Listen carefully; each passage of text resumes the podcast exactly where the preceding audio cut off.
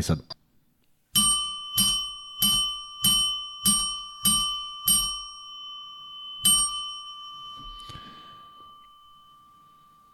Ne sam da kažem koji broj. Možeš. Ako hoćeš neko te zeza. Da, da. E, Nova pobeda Partizana. tako je. Ova. Posle sedme Tako stigla je. i ova. A pre devet. E, dobrodošli u 116. izdanje podcasta sa Lukom i sa Kuzmom. E, velika pobeda Partizana o kojoj ćemo pričati velika u svakom e, pogledu. Pričat ćemo naravno i o slučaju Kampacu i najavit ćemo meč koji Zvezda igra sutra protiv Valencije i pričat ćemo možda malo na kraju o NBA ligi. Tamo silni ljudi daju silne poene, tako da bit će ovo sadržan podcast. Sa vama smo i sutra, i to u malo ranijem terminu. Naši kolegi iz 99 Jardi ne rade na badnje veče za razliku od nas, tako da ćemo mi, e, da kažem, uleteti u jedan termin ranije nego inače, odnosno radit ćemo odmah posle Zvezde. Dakle, Kuzma da odradi studio i posle toga e, dolazimo. Ja prenosim meč koji je pola sata ranije u odnosu na Zvezdu, tako da realno je da obojica budemo ovde negde oko 23 30, 15, ali obavestit ćemo vas u kom tačno terminu to kreće. Kuzma, šta ima? Ništa, gledali smo veliki broj utakmica večeras, naravno fokus na Partizanu, jedna izuzetna utakmica, ne mogu da kažem samo napadački, pošto i defanzivno bila, ali nekako se poklopilo sve ono što su priželjkivali na jači Partizana, jedna utakmica bez stresa, jedna utakmica koja nije bila ni malo laka, kako pokazuje ovih 20 razlike na kraju, prema tome, Kako bez stresa misliš? Bio stres 30 i kusor minuta. koliko? 30 i kusor. Ne, nije, nije bilo. Nije Partizan nikad gubio konce. Nije bilo loših minuta, nije bilo velikih padova u igri, nije bilo nemogućnosti da se vrlo brzo vrate u ritam. Jeste bilo nekih timeouta, pa dve greške, pa dešavalo se, da, ali ne u onoj meri u kojoj je trebalo da zabrine iz prostog razloga što je bilo mnogo raspoloženih, u ostalom brojevi pokazuju kako je Partizan šutirao. I, i kad se ono što smo ono što sam konstatovao jednom prilikom egal što duže traje to Partizan ima naravno logično veće šanse zato mi se ne sviđa one euforične četvrtine 30 pa 16 poena jer to to onda govori da da ekipa oscilira ovako je to sve bilo u nekoj normali i konstantno ovaj bez padova za mene junak utakmice ako tako nešto mogu da kažem Andjušić apsolutno sa one četiri Jeste. trojke potpuno je ovaj razbio odbranu uh, Monaka, vrlo interesantno, to su momci koji bih rekao igrali s njim. Većin, pa mislim, skoro. Da. Svaka James- finta šuta, svaka finta šuta naseli su kao da ga prvi put vide, ali Vratno je scouting bio, dajte da branimo Andjušiću šut, pa su onda išli. Pa išli su, da, ali prosto on to majestralno radi, ovoga puta pogodio sve. I vidiš, evo, ono što smo pričali, uh, gde se on osjeća dobro, kad ne mora da komplikuje, kad nema neke kreacije u igri, kad ne mora od njega zavisi neki pas, mada ima i asistenciju u Lesoru. Nego kad jednostavno igra ono što što najbolje zna da radi, a to je da se oslobodi i da šutne. Par šuteva je bilo iz driblinga, par je bilo ovaj, uh, iz dobre kretnje, prema tome sve, sve kako treba i on je doneo tu sigurnost i tu seriju trojki, jer je Partizan zaista u serijama pogađao sa fantastičnim procentom. Ali svega toga ne bi bilo da, da jedna ideja u odbrani, a to je James u levak i nek ide ka košu i nek se oslobađa lopte, nije urodila plodom, on je zaista definitivno posle onog šuta u, iz levog ćoška napadačkog, to jest bliže na, na ekranu s leve strane, kad se digo dva brza koraka i bacio se u aut i šutnuo i lopta pogodi vrh table. Kad su mu vikali MVP. To je potpuno, ne, ne, kako bih rekao, nerazumno. Ja onda, a onda prebacuju snimak na Sašu Obradovića i oni ljudi Koji koji, gleda- se smeju. I ljudi koji, se, koji se smeju iza. Ali vidi, utisak, utisak utakmice o, o, u sve ono dobro što se desilo, nego onako jedan, jedan, jedan ne znam koliko, je, koliko su gledalci primetili. Jesi video kada je fauliran pa teo da iznudi trojku?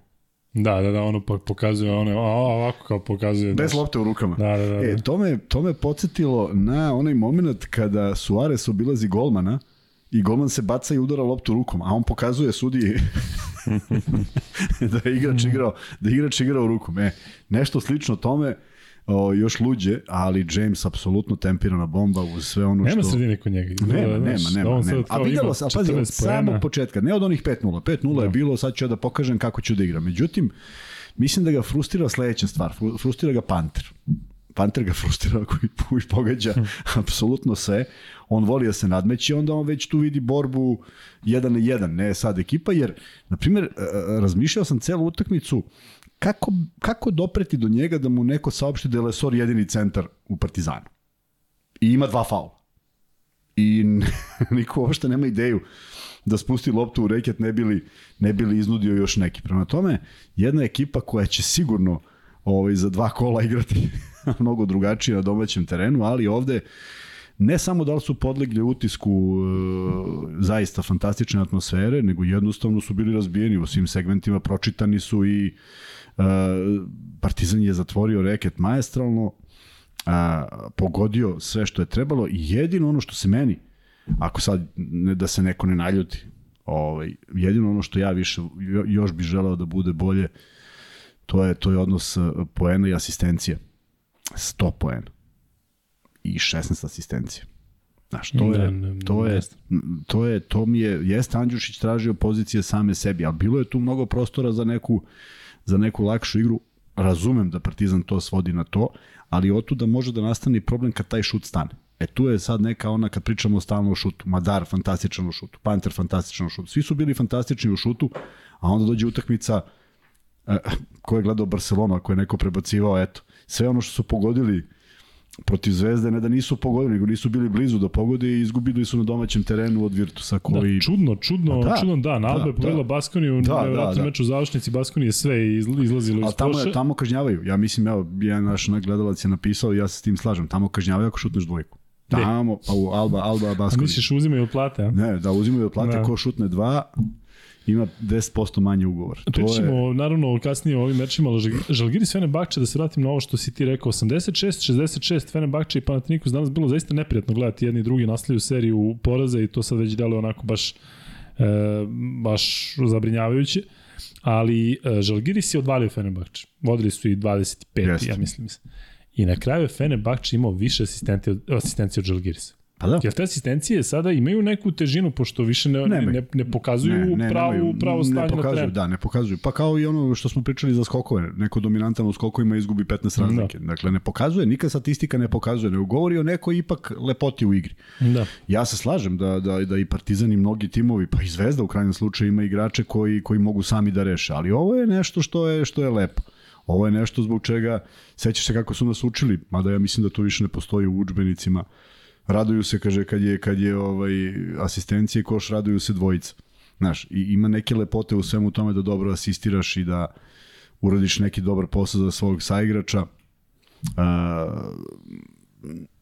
samo je stvar afiniteta, ne mislim da to ne daje rezultat, ali jednostavno ovog momenta ako šut stane, onda si u ozbiljnom problemu kako, kako, kako raširiti igru i kako odigrati neki dupli pas najbanalniji koji si učio negde u, u juniorima i u pionirima. Tako da je to mi je nedostajalo, ali generalno malo šta ima da se prigovori onome što je Partizan odigrao sa, sa neverovatnim procentima šuta, sa zatvornim reketom, sa ne znam čak da li je statistički, ali apsolutno je delovalo da su u svim segmentima igre od samog početka igrači Partizana bili u prednosti. I zaista ubedljiva pobeda vratila se vratio se onaj poraz iz prvog kola gde je sada potpuno rasturen Monako s tim što ova utakmica ima mnogo veću težinu jer je Monako neko ko je slovio za favorit u smislu pozicija na tabeli i sve to, dakle vrlo čudno se vrlo čudno se stvari dešavaju, ali kažem, ovde mi je naj ono najjači utisak James i njegovo hoću da igram, neću da igram i nemoć Saša Obradovića. Ne mislim da je on loše pripremio utakmicu, ne mislim da je loše čuvao pojedine igrače, učinili su sve što su mogli, ali i to je trajalo i, i, i za Monako je bilo dobro što je u egalu tih te tri četvrtine, ali onda odjednom raspad sistema i jedna igra koja ne priliči ekipi koja se nalazi na tom mestu. Ali apsolutno je kriv samo James, zato što oni su u drugoj i trećoj četvrtini kad su imali dobre minute, spuštili loptu pod tako, koš, igrali asistencije, vidu se i zakucavanja i krenulo otvoreni šutevi za tri. Je I onda James krene da solira. Vidu si on njegov jedan šut sa 10 metara. Da, on je, kaže da, istek napada, pa i za istek napada pa, ima nešto tako, bolje. Da. Ono, nije bilo ništa. E, Steve Lod je donirao, hvala ti. E, hvala. E, ja samo da završim misao, izvini, molim te. Ajde. Ovaj, e, I sada, znaš, ti si, ti si uh, nasledio si Zvezdana Mitrovića, svi znamo šta se izdešavalo i opredelio se za ovog igrača. I upravo se opredelio za njega. I ti si sada, ne mogu kažem nemoćan, da, da me neko ne shvati pogrešno, mislim da Saša Bradović radi odličan posao i da će uh, vrlo verovatno ove godine ponovo završiti u top 8 ako malo bude uspeo da dopre do pojedinih igrača, pre svega Jamesa, ali prosto nemaš reakciju, jer ti sad apsolutno zavisiš od toga kako se on osjeća. Što ne valja, što apsolutno ne valja. Čak mislim da su pojedini minuti bez njega bili daleko bolji, ali ti ne možeš tog igrača da držiš na klupi. U stvari, malo je trenera koji bi držali, znaš, koji bi rekli, e, ok, nerviraš me danas, odmoriš se, igraću s ovima, pa šta uradi. Ali misliš zbog te, i ovde pišu zbog e, te prošlosti sa Zvezdanom Mitrovićem ili generalno? Ne Znaš znam, da će ne znam. da ti ovaj praviti problem iako je neko... E, ja sam, ja sam, da, da, ti, ti imaš onaj moment da imaš u glavi da će to jednog dana biti problem. I to si prihvatio. I sad, ili ćeš ga biti ili ga neće. Ako budu odigrao još ovakve dve utakmice, ti moraš da reaguješ, jer ti prosto ponos nalaže da kažeš nešto. Ali pitanje ko u toj trci izlazi kao pobednik, što je veliki problem. I jedini čovek za kojeg ja ne mogu da grešim dušu, ne znam, ne znam, nisam u kontaktu sa svim trenerima, ali jedini čovek koji je odigrao izuzetno važnu utakmicu bez najboljih igrača je bio Kokoškov sa Slovenijom protiv Srbije. I baš sam ga pitao, da li je to bila odluka, znaš, ne kaže, ovaj Dragić se okrenuo i rekao, ja ne mogu da stojim. E sada, imaš opet one trenere koji bi rekli, pa moraš, ajde, uđi pa kotrljaj se tu. Međutim, on je, on je odradio onaj deo ovaj, posljednje, posljednje četvrtine bez njega i na to se jako teško opredeljuju treneri. Jer nekako uvek imaš, ako je on u igri, a izgubi se, probali smo najbolje na terenu, sve smo uradili i tako dalje. E, tu se sad nalazi jedna zamka kad imaš takvog, takvog igrača koji, opet da se vratim na njegove karakteristike, njegove sposobnosti fizičke, na njegovu preciznost. Dakle, ja nemam problem. Imam problem što je on tempirana bomba i za svoju i za protivničku ekipu.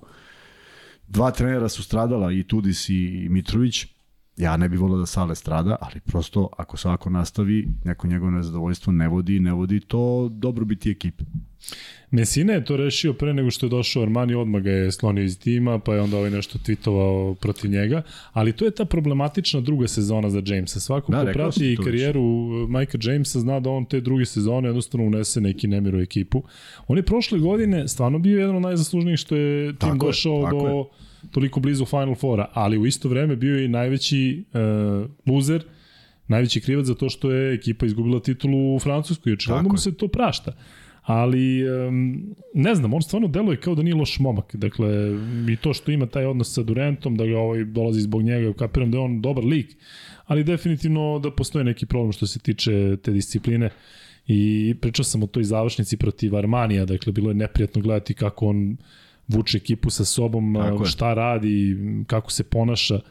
Ali e, dobro, to su problemi Majka Jamesa i to su problemi Monaka. Da, da, da, potpuno nevažno za ovu da, utakmicu, nego, nego eto, kad, kad, smo, kad smo, pošto o, sad ćemo krenuti o igračima i o svemu što je Partizan odradio kako treba i po na osob, ali ovo su utisci.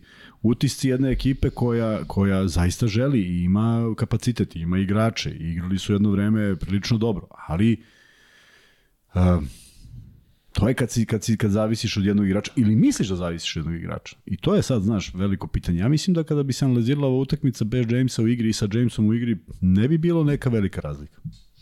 E, koliko je Kuzma ovakva atmosfera nešto što što donosi, ajde da kažem, prevagu? Zato što Partizan jeste dobio 20 razlike, ali realno tri po četvrtine je bilo, da, da, da kažeš, da, da, da. ali atmosfera zaista nestvarna i, Jest. Jest. Marko je rekao u, u prenosu dok je komentarisao da se trese pod u da, areni da, da. i to je nešto što sigurno utiče da. pozitivno na, na, na domaći igrače, podrazumeva se, a definitivno videlo su u jednom trenutku dijalog, gleda oko sebe ko nekad Jenkinsova sestra, dakle nije mu jasno šta se dešava. Koliko verujem. to može da bude presudan faktor kada se utakmica loma? Pazi, verujem Marku zato što e, baš Saša Obradović je bio sa Albom u Pioniru kada je bio krcat Pionir, ja mislim da se igrala Alba, on je bio u Albi I ja mislim da je to možda čak i Eurocup. To je bilo nenormalno. Ja mislim da, da, da stvarno smo osetili da, da, da podrhtava. Tako da mu verujem da je takav osjećaj. A, atmosfera bila sjajna i ono što, što je vrlo važno, nijednog trenutka a, nije bilo razloga za neku nervozu. Čak osetilo se onako malo kad je Papa Petru šutnuo one dve trojke koje nisu ušle, to su bili dobri šutevi, čak ni nešto, ne, nešto isilovani, potpuno je sam čovjek bio. Međutim, kad je treća ušla, onda je sve laknulo i onda je Partizan i otvorio seriju. Tako da, nije bilo mnogo razloga za neko, za neko uzbuđenje, a e, zasluži za to su igrači Partizana koji su ipak u tu četvrtu četvrtinu ušli sa egalom i jednom, jednim ozbiljnim brojem poena, Ono što mi je nedostajalo, to je individualna odbrana na obe strane. Dakle, Partizan kolektivno izuzetan, međutim dolazili do nekih prodora koji su bili krajnje, krajnje neverovatni na jednoj i na drugoj strani. ali uh, možda će se to dešavati kako, kako liga odmiče, znaš, možda će se čuvati snaga za, za napad, ipak svi vole više da igraju napad nego odbranu, međutim u pojedinim delovima Partizan izuzetan u odbrani, svi pona osob, a i kao kolektivno, kao idejno, šta raditi i koga pustiti je delovalo prilično dobro. Što je, što je sigurno zamisao na koji su bazirali igru protiv Monaka. Ono što mi se dopada, ne znam da li deliš moje mišljenje, e, nešto što je bilo prilično onako problematično kod Partizana i oscilirali su dosta da je bilo tih uspona i padova tokom meča. Međutim, ono sada i, da, i dalje ima tih uspona i padova, samo su Nisu manje veliki, vidljivi. Da, pa dobro. Ali Partizan jako dobro uđe u utakmicu sa energijom, vidio si odbran na početku i jako dobro zatvara utakmicu. A znamo koliko je bilo problema u ovom delu sezone kada je Partizan gubio završnice u nizu. Tako je. Tako da koliko je u stvari sada zaista Partizan dobio na samopouzdanju i koliko je ovo sigurnije, vidio si da i sada recimo Madar koji je odigrao zaista fantastično, da ipak bio na klupi, a da to nije poremetilo neku hemiju da. u timu, da i Panter ipak se dozira njegov, njegov napad i nije više ono daj Panter loptu u ruke, slonite se, pa eventualno igra jest, ili igra 2 na 2, ali nekako mnogo, se složilo jest. dosta. Čak i ovako kada nema nekog igrača koji, ajde da kaže malo razočeli odigra ispod nivoa kao što je recimo Nanli, to apsolutno ne utiče ne, na ekipu. Ne, pokrije se, pokrije se, Jest. ima ko da pokrije, ali ono što je vrlo bitno, video si u nekoliko navrata na, na, na 12 poena, duži napad. Da. Stane se sa loptom. Čak i Panter je taj koji Stane se sa loptom, a ne sad ajmo jest, po svaku cenu jest. što se dešavalo. Dakle, trebalo je očigledno vremena da se to desi i uh, ono što ono što je poželjno jeste da više uh, Željko Bradović ne mora da obraća pažnju na te stvari. Bilo je i danas nekih problema. Ono pa što se leto pa, pa Petru. Jeste. Pa, bilo, je, bilo, je, bilo je, bilo je Madar što je morao završiti onaj napad rani. Ali ono što je naj, najlošije kod Madara bilo što je sam sebe uveo i u prvo i drugo polovreme izgubljenim loptama. Sad zamisli da samo toga nema da uvedeš sebe u jednu, a, a odigrao odličnu utakmicu. A pritom bi bilo bez greške da, da to nije da, uradio. Da, da. Dakle, samo neke stvari da se pojednostave, zato što od njih, evo, konkretno, taj moment kada, kada Željko Obradović reaguje na to što je Madar nije dobro iskoristio tih 5 sekundi a, na polovremenu, Zar ne je bilo divno da u nekom momentu na sledećoj utakmici to bude mnogo konkretnije? Ne da se pogodi koš, nego samo da ne bude isto. I već je dobro i onda nema prigovora za tako nešto. Prema tome, korak po korak, ali kažem, Partizan izgleda i sad, Partizan izgleda jako dobro, a opet nemaš u punom režimu Smajlagića, igrao je, igrao nije uopšte igrao loše, nemaš Avramovića, još uvek, i to ti je veliki hendikep da ipak u, u tome svemu mogu da odmore nekoga i da, i da budu kvalitetne zamene. Međutim, eto, Andjušić je odigrao utakmicu E, moguće da mu je jedan od razloga bio što je to bivši klub i njemu i Lesoru, obojice su odigrali fantastične utakmice i ovaj, veliki dobitak. A evo sad se vraćamo na ono kada, jer smo pričali, sveća smo pričali o Vukčeviću i, i, šta se od njega traži posle majestralne partije u ABA ligi. Traži se da zagradiš koš. Čak mislim da nije bila njegova greška, Nanali je napravio faul, ali prosto Obradović onda vidi da, da je on morao tu kao sa, sa tom visinom da skine loptu. E to su sad bitne stvari da on shvati da ono što je uradio to je jedna priča, a ovo je drugi nivo takmičenja da on mora prvo da uradi sve ono što se od njega traži i da, da, da se izbori za svoju minutažu. Ono što je najlošija vest je da je Koprivic ima monoklozu, je to istina da je... Pa mislim ne bi Marko rekao to da nije. To tako je da... onda zato što je to, na, to je, to je bolest koja Ma se da, sanira brzo i, da, i, i ne sme se rizikovati i, i, i stvarno postoje šanse da traje i hahaj. Tako da, ovaj, to je, to je Šteta najgore. zaista, zašto da, je igrao da, tako da, dobro, da, povratio da, se da, protiv da. Zadra i baš sam se da. pitao da li će dobiti sada minute. Dobio bih sigurno, sam, dobio bih sigurno. Prosto... A vidio si Tristan je odigrao najbolju partiju u karijeri. Yes. I evo, danas je ušao, Uh, jedna greška, klupa, zato sam se plašio za Andjušića, toliko je bio bitan onaj prvi šut njegov jest, zato što jest. on isto bio nesiguran. Vidio se da jedan da prvi nije šutno. Prvi Tako je, je da, delovalo da. kao da neće ni da pogleda koš. Tako da se oslobodio i vrlo bitno i vrlo važna utakmica za njega, koliko i za Partizan. Tako da šutnuti 4-4 je sad naravno e, e, e, e, malo raznovrsnosti, jer danas Maltene nije otišao na ulaz. Malo raznovrsnosti zbog samog zbog same njegove igre, zato što ako te provale ovako, onda će stalno da budu tu na šutu, a ti moraš da, da napraviš još neki koš, da izmisliš pogotovo što imaš sposobnosti za tako nešto. Prema tome, sve u svemu, vrlo, vrlo, o, Željko Bradić može bude vrlo zadovoljan uz neke sitnije ovaj, zamerke, ali ako gledamo celu sezonu, ovo je možda utakmica u kojoj je bilo najmanje tih uh, ispadanja iz nekih zamisli pre svega kako zaustaviti Monako. Um, Jel ima nešto što, što mislim, mi uvijek ljudi kao kada je dobro, mi tražimo dobre, kada izgubi Partizan ili Zvezda, mi tražimo dobre stvari, kada pobedi, onda da skrećemo pažnju nešto loše. Ali ili ima danas nešto loše što još može da se popravi recimo u igri Partizana, osim recimo toga što si pominjao e, igre 1 na 1 u odbrani, gde još ima prostora da recimo se Partizan upgrade i da bude još bolji. Pa volio bi da, ono što ti rekao za, za asistencije, da malo, da malo slobodnije nalaze neka, neka rešenja. Kao da su još uvek stegnuti, kao da je to, i možda su sigurniji, možda stvarno jesu sigurniji. Panteri, na primjer, danas odigra utakmicu u kojoj, ako ćemo da posmatramo njegove poene, možda je bilo i najmanje driblinga za te šuteve, za te pozicije. Uh, jednom je dobio lep blok, spustio jednom levom rukom i šutno. To je mnogo jednostavniji šut nego kad kreneš u 22 driblinga da se oslobodiš od višeg čoveka. Prema tome, nekako su pojednostavili igru, a mogla bi da bude još jednostavnija sa nekim brzim pasom. Pa pa Petru se pronašao, Lesor dominirao u skoku, zatvorio sve, imao je onaj jedan moment kada je čekao valjda visina ga je, hola ga je malo ovaj, sputala da odmah dobio lepu loptu, ali onda čekao pa promašio zicer, naravno, burna reakcija Obradovića, nije bilo razloga za to, ali zaista čovek koji donosi veliku, veliku sigurnost, opet nekoliko blokada, opet zatvoren reket, Uh, I to je vrlo interesantno, kao da ni ovi što su igrali protiv njega nisu baš ovaj, znali kako, kako i šta on radi. Uh, Ledej kad je promašeno prvu trojku pa vratio, vidiš da ima samo pouzdanja da nije to problem. Naneli je neko ko, ko, ko sigurno može da donese još veći kvalitet, ali Madarova možda najbolja utakmica i tako dalje i tako dalje. Teško je sad tu nešto nekoga izdvojiti, a da Exum vrlo skroman učinak do posljednje četvrtine, a onda neki vrlo bitni poeni. Naravno, ja ću opet da kažem da je neverovatno da svoj prvi prodor i faul i koš pravi na desnu stranu, ali ja ću to stalno da pričam, zato što mi nije jasno. Pišeš ovde da ti javimo da je Exum danas uh, išao na levu stranu, stranu jeste. Sa 45 napis, stepeni. Da, da, neko je napisao da pročitaš poruke da imaju tu nešto da su slali na Instagram, vjerojatno na Instagram i misle. E, mi ćemo uskoro preći naravno na e, na igrače. Vanja, ti možeš da pustiš pol da vidimo kako se sada vodi e, ovde te odnos između Zvezdaša i Partizanovac i uvijek onog nekog trećeg. Reci mi samo da bilo neki prozivki da mi je, da mi je prošlo ili je podnošljivo se, a? Da, sad je okej. Okay. Sad je okej. Okay. Vanči kaže da je okej, okay, tako da um, super što je tako. Šta šta? Da, i Vanja vas moli da se potrudite da tako bude i u i u nastavku ovog podcasta. E, Partizan trenutno ima skor 8-9.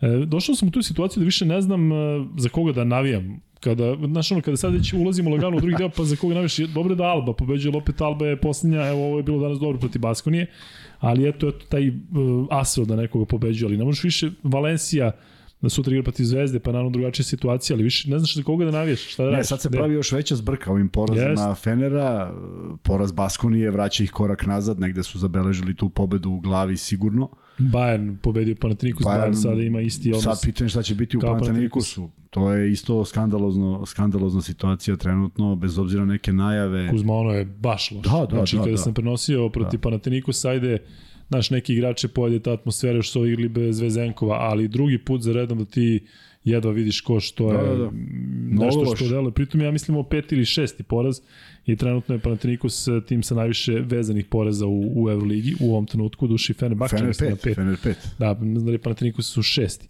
Ali te dve ekipe sa onakvim timovima, sa eto novim trenerima... To samo zašto je Alba pobedila večer. Da. Tako da sve u svemu uh, biće jako zanimljivo. Sve u svemu bitka, dakle, da, bitka koja će se ovaj do pitanje je kako će to izgledati i koliko će tu sad biti potrebna pobeda nekako nekako sve kapitalnije deluju one kod kuće. Tako da je u, u tom kontekstu Partizan uradio dobru stvar. Uh, ja ne mogu sad da se setim tačno koliko su koliko je Partizan igrao utakmica od tih 17 kod kuće, ili 9 ili 8? Ne, da, ne nisam gledao. Ali vrlo je vrlo je bitno uh, da su, da su i Zvezda i Partizan šta god sutra bude desilo blizu tih 50% posle prvog dela. E, Partizanov drugi deo prvog dela drugi deo prvog dela je bio težak, Zvezdin prvi deo na samom to početku. To smo pričali, te oscilacije su moguće. Ne znamo sad kako će da izgleda uopšte ovo, jer nije ništa paralelno, nije ništa u odnosu analogno ovome, ko zna kakav ih raspored čeka, da, nisam to ovaj posmatrao, ali vidjet ćemo. Ja, ja sam imao tu opet, e, da kažem, problematičnih nedelja, Ali trebalo bi da bude ok. Ja mislim da i Partizan i Zvezda imaju zaista puno razloga za, za e, zadovoljstvo i puno razloga za optimizam. Da. Dakle, ako se setiš kada smo počeli ono 0-3, 0-3, pa Zvezda 1-6, Partizan, onda ona serija crna, mislim da je sada ovo period... Partizan je bio na 3-3, ali tako beš? Jeste, 0-3 pa 3-3. Da, da, da. da. E, međutim, pazi ovo što je interesantno. Baskonija, Barcelona i Monako imaju 11-6 i to su prva tri tima na tabeli, zato što još čekamo sutra Olimpijakos, Real i Pazi, sve tri ekipe su izgubile sve danas. Sve tri ekipe, dakle da, da je jedna dobila i da, da, bilo bi usamljena na prvom mestu. E, sve u svemu, e, kažem još jednom, zaista velika, velika pobjeda Partizana i toliko je lepo vidjeti ove igrače da su nasmejani i da se onako zabavljaju i zaista mislim da, da je bila fantastična atmosfera i da, da su počeli pojedini igrači Partizana da uživaju, da su se malo opustili. Zaista mi je drago što Madar igra dobro, e, verujte mi, možda zvuči, zvuči kontradiktorno s obzirom na to da tog momka često kritikujem, ali videli ste recimo na kraju prvog poluvremena kako je Željko imao, to je nešto što mene dovodi do ludila. E, ima ta jedna situacija koja je interesantna u vezi Madara, ja i dalje e, čvrsto verujem da, da, da je Partizanu potreban možda još jedan igrač. I ajde da, da sada ne širim mnogo priču, ali e, ne kažem da je to merodavno ali je zaista tako. Dakle, Wikipediju kada otvorite, bilo koji roster Euroligi, samo Partizan od svih timova u Euroligi, od 18 timova, ima uh, jednog jedinog point guarda. Dakle, PG je samo jedan čovjek i to je Madar. Dakle, može da igra Aleksa, može da igra Panter, može da igra Andjušić, može da pomogne Naneli, može da igra Exum, naravno, prvi. Ali jedini, jedan jedini playmaker u Euroligaškoj ekipi po vokaciji to je Yamadar. I veliki je pritisak na tom momku i on nekada to uspe da iznese, nekada ne, ali i dalje pravi, videli ste e, greške koje možda mogu da, da, da odu pod mladost, a možda ne mogu, ne mogu, ali ima zaista neverovatnu e, energiju, ima neverovatnu sigurnost u svoj šut, što je jako bitno za igrača, posebno za njega koji često igra iz driblinga, tako da e, nadamo se da će Madar igrati još bolje, zato što je to činjenica da u velikoj meri uh, igra Partizana zavisi od njega. I naravno sada ćemo pojedinačno i doći E, samo ti kažem da Ivan Pejić kaže, Kažem, šta? naš redovni gledalac, kaže da je Partizan odigrao devet utakmica kod kuće. Da. Dakle, eto, u minusu su tu jednu, 6-3 im je skor, to znači da su uspeli da otmu dve na strani, što je vrlo bitno, i sa 8-9 ulaziš u drugi deo sezone. Ja i dalje mislim da je 17 neki magični broj, s obzirom da ovo što smo konstatovali da se svi ti uh, favoriti, ako tako možda ih nazovemo u ovom delu sezone, jer ako je neko posle 9-1 Fenera video koliko, 2 2 2 6 koliko imaju? Ko? Fener. Imali su 9-1.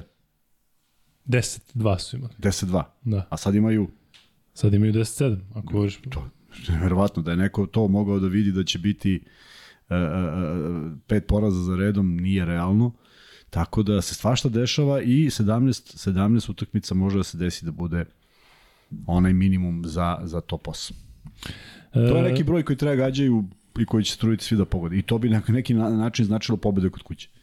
Da, mislim da Partizan i Zvezda ako uđu u play-off, a daj Bože da uđu sa neke pozicije od prve do četiri, a to je dalje teoretski moguće, ali realno je da Partizan i Zvezda ako uđu u playoff ili Partizan i Zvezda kako god, ja se nadam oba kluba, da će to biti sa pozicije od 5 do 8. Ja mislim da će tada tek uh, biti teško pobediti Partizan i Zvezdu u Beogradu. Da možeš misliti kako će ta tek atmosfera da bude. Sigurno. Mislim da, da, tako da je jako bitno da, Sigurno, da se... samo je daleko to sve Naravno što sad pričamo. Naravno da je daleko. Pa... Ja ovaj, sam sam znaš kako ja maštam, prvo sam maštam da imamo oba tima u Euroligi, to se stvarilo. Da. Sad maštam da oba tima imamo u, u Evrokupu i kada sam uh, učestvovao u tom jednom podcastu uh, i kada sam pričao, stavio sam Partizan i Zvezdu na sedmo i osmo mesto i daj Bože da se, da se to ostari. Ovde neko primetio i kaže zato što Luka pričao da James može da odigra dobro, kaže zato je odigrao loše, kaže da je rekao da je, da je Kanta verovatno mi dao 50. Tako da eto, drago mi je ako sam, ako sam ovaj, doprineo da James danas bude zaista katastrofa. E, pitao si me šta još ne valja. Ima, ima da. nekoliko detalja. Oni momenti koji su, znaš, oni, oni deluju potpuno nevažno. Ali, na primer, neverovatno je da, da, da, da u, u svemu ovome što je Partizan dobro uradio, da ne prenesu loptu. Ono, ona, ona konfuzija za prenos lopte, gde, sa seća, to je prva ili druga četvrtina, prvo polovreme svakako. Pa onda onaj pritisak koji je više fore radi otmu, otmu uh, lesor. Dakle, ono, ono na čemu pet insistira, tako je, da, na čemu insistira na, da, da to bude ta, ta koncentracija, taj fokus. Dakle, Ali mora da bude to, toga Kuzma, bar Mora, malo tokom meča. Evo kad si igrao i kad si bio u najdisciplinovanijim ekipama, jer se desi jednostavno da, da se vež, vežu dve greške da to malo ubije onako ritam i sve. E, naravno da da, naravno da da, ali samo moraš da znaš jednu stvar, bilo je nadoknadivo. Nadoknadivo je bilo da, da, da ako i to nešto napraviš, zato što si ipak ig- igrao se sistem drugačije. Tebi ako neko veže 5 poena i ti promašeš sledeći, on veže trojku, ti si u ozbiljnom, jer to se sve desilo onda u 10 sekundi. Nekako, mnogo se spori igralo, pa si ti nekim sporijim ritmom mogao da onako anuliraš to. Ovako kada neko krene da igra u ovom ritmu, vrlo lako može da, da, te, da te poremeti potpuno. Tako da, to su neke stvari gde su najveće reakcije ovaj, Obradovića bile na ovoj utakmici. Mislim da nije imao šta mnogo da kaže pri izmenama, zato što ovaj, prosto, eto, ako izumemo Vukčevića, svi ostali koji su ušli na teren su uradili ono što se od njih očekivalo. Dobro, i Naneli je možda bio danas e, nešto Nije slabiji. Avramović bio, nego hoću da kažem, nije, ne, da. ne mogu ja još Ali lepo njemu- rekao, ne- pokrije se. Tako Pokrije je, se, da. pokrije se sve to, tako je. E, Kuzma, pre nego što krenemo na igrače, reci mi e, još samo malo o Obradoviću i tom dočeku, dakle izgleda da su nas ovde ispoštovali kada smo ovaj, A ne, tražili. to je, vidiš, to je bila obrnuta psihologija. Dakle, ja ovaj, sam baš pratio kako će reagovati na, na raznoraznim komentarima, pa i kod nas. I pojavilo se na, i na svim mogućim mrežama šta onaj Kuzmanović hoće da mi vređamo e, ja bih želeo, ja sam to rekao baš zbog toga da vidim kako će reakcija biti. I ispostavilo se da će pokazati da ga neće vređati, što je fenomenalno. Znači, samo obrnuto treba nešto da ja kažeš. sam rekao da treba da, da, da, da ga da aplaudiramo, možda su poslušali mene, nikad Ne, tebe jesu, ali ovaj, mene su, mene su, mene su tali da kontra, da, da. Da. E, dobro. Što se tiče igrača, krećemo od Matijasa Lesora koji je imao na ovom meču 21 poen i 8 skokova, jednu asistenciju, 8 od 10 za 2, 5 od 6 sa penala. Lesor e, sa sve onim osmehom kada je Ledej zakucao na kraju i sa tim konstantnim, konstantnom interakcijom sa navijačima, neko zaista deluje da je on ozbiljno napredovao na nekom, e, pre svega, psihološkom planu.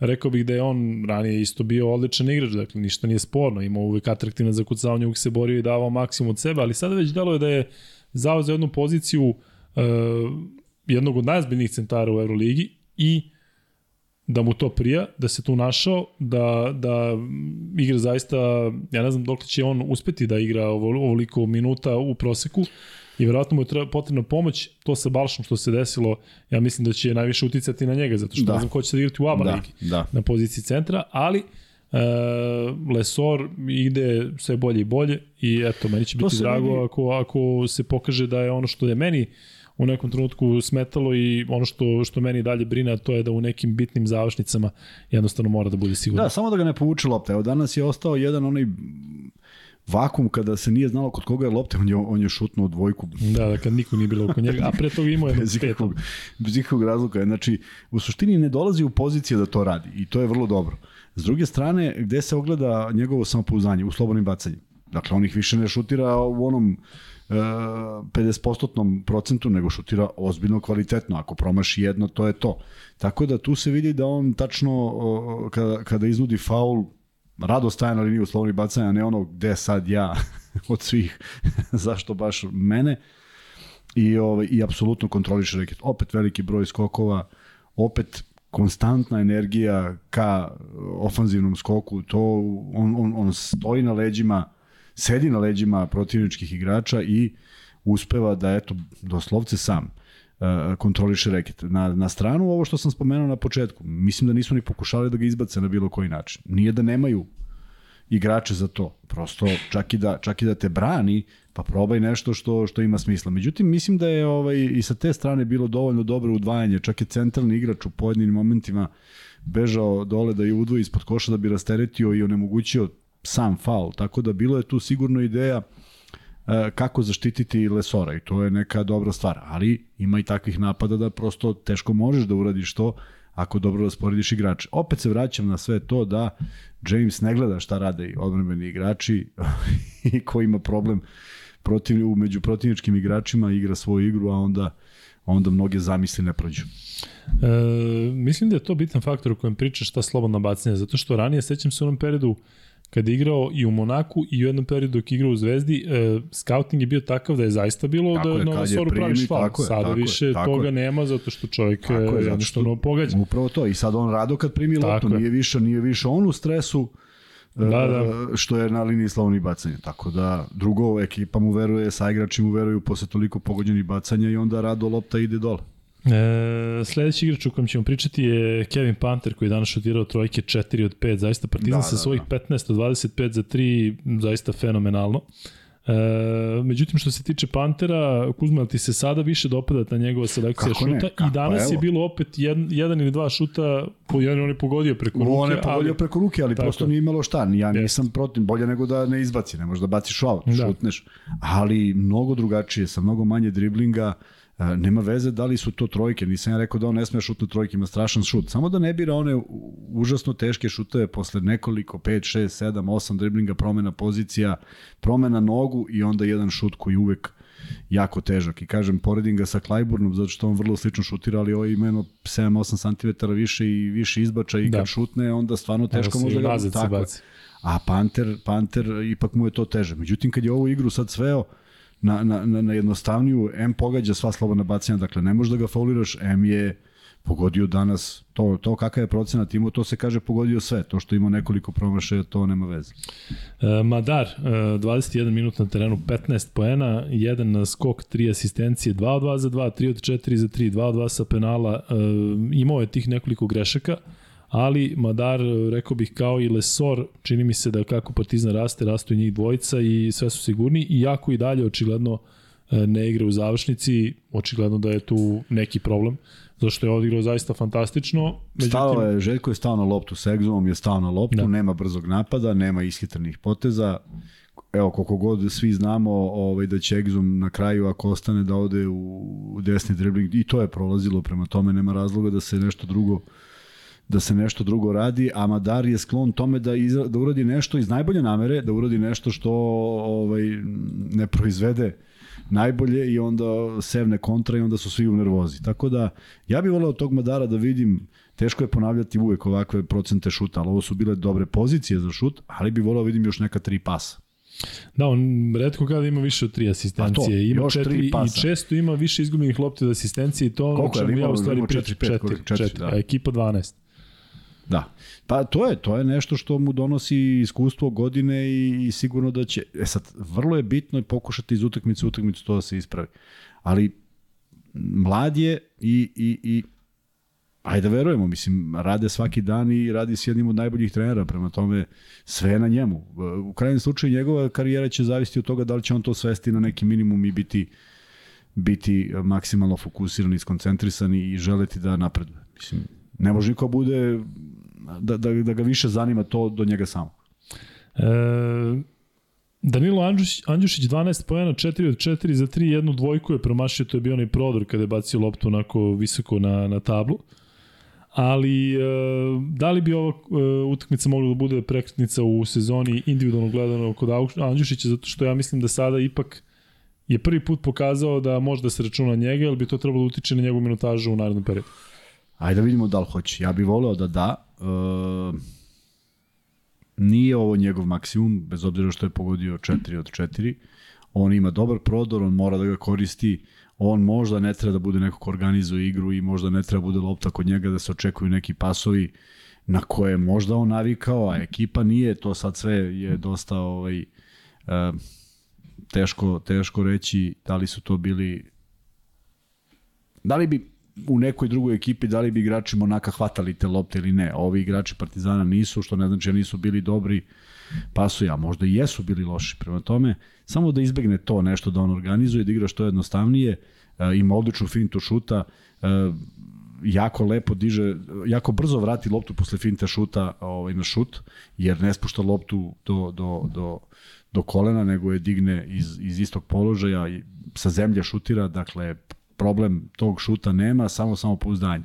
Ali da napravi igru raznovrsnijom i da uh, ubaci u tu svoju igru još dva, tri prodora i onda zaista neće biti problema. Defanzivno, defanzivno može da se pokrije u toj nekoj kolektivnoj odbrani brz je, Uh, Ispratio nogama dva, tri puta danas, tako baš lepo. Tako nakon je, ali, dobije ali, faul tako, ali prosto taj fokus šta se radi na terenu, to mora da bude kod njega još izraženiji, ipak ima mnogo iskustva, nije on neko ko je upao u Euroligu ove godine, prema tome taj segment, ja mislim da zato negde i Obradović traži od njega, zato što po, po svojoj logici stvari gde je igrao, on mora to da mnogo bolje radi.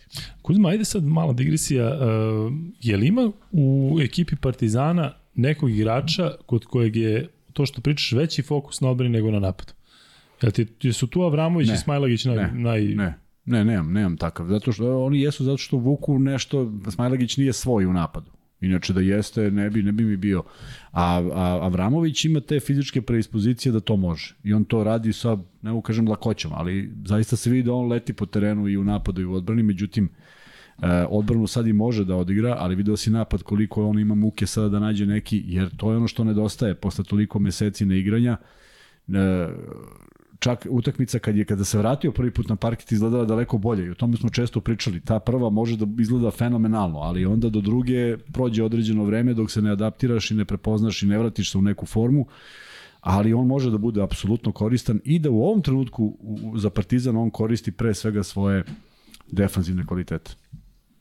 Um, Sledeći igrač u kojem pričamo je Dante Exum, ponovo odličan na prodoru, uh, dao je 11 pojena, od čega 7 sa penala, ali on sada kad krene nekako je to onako deluje, da, deluje da, prilično da, sigurno. Da.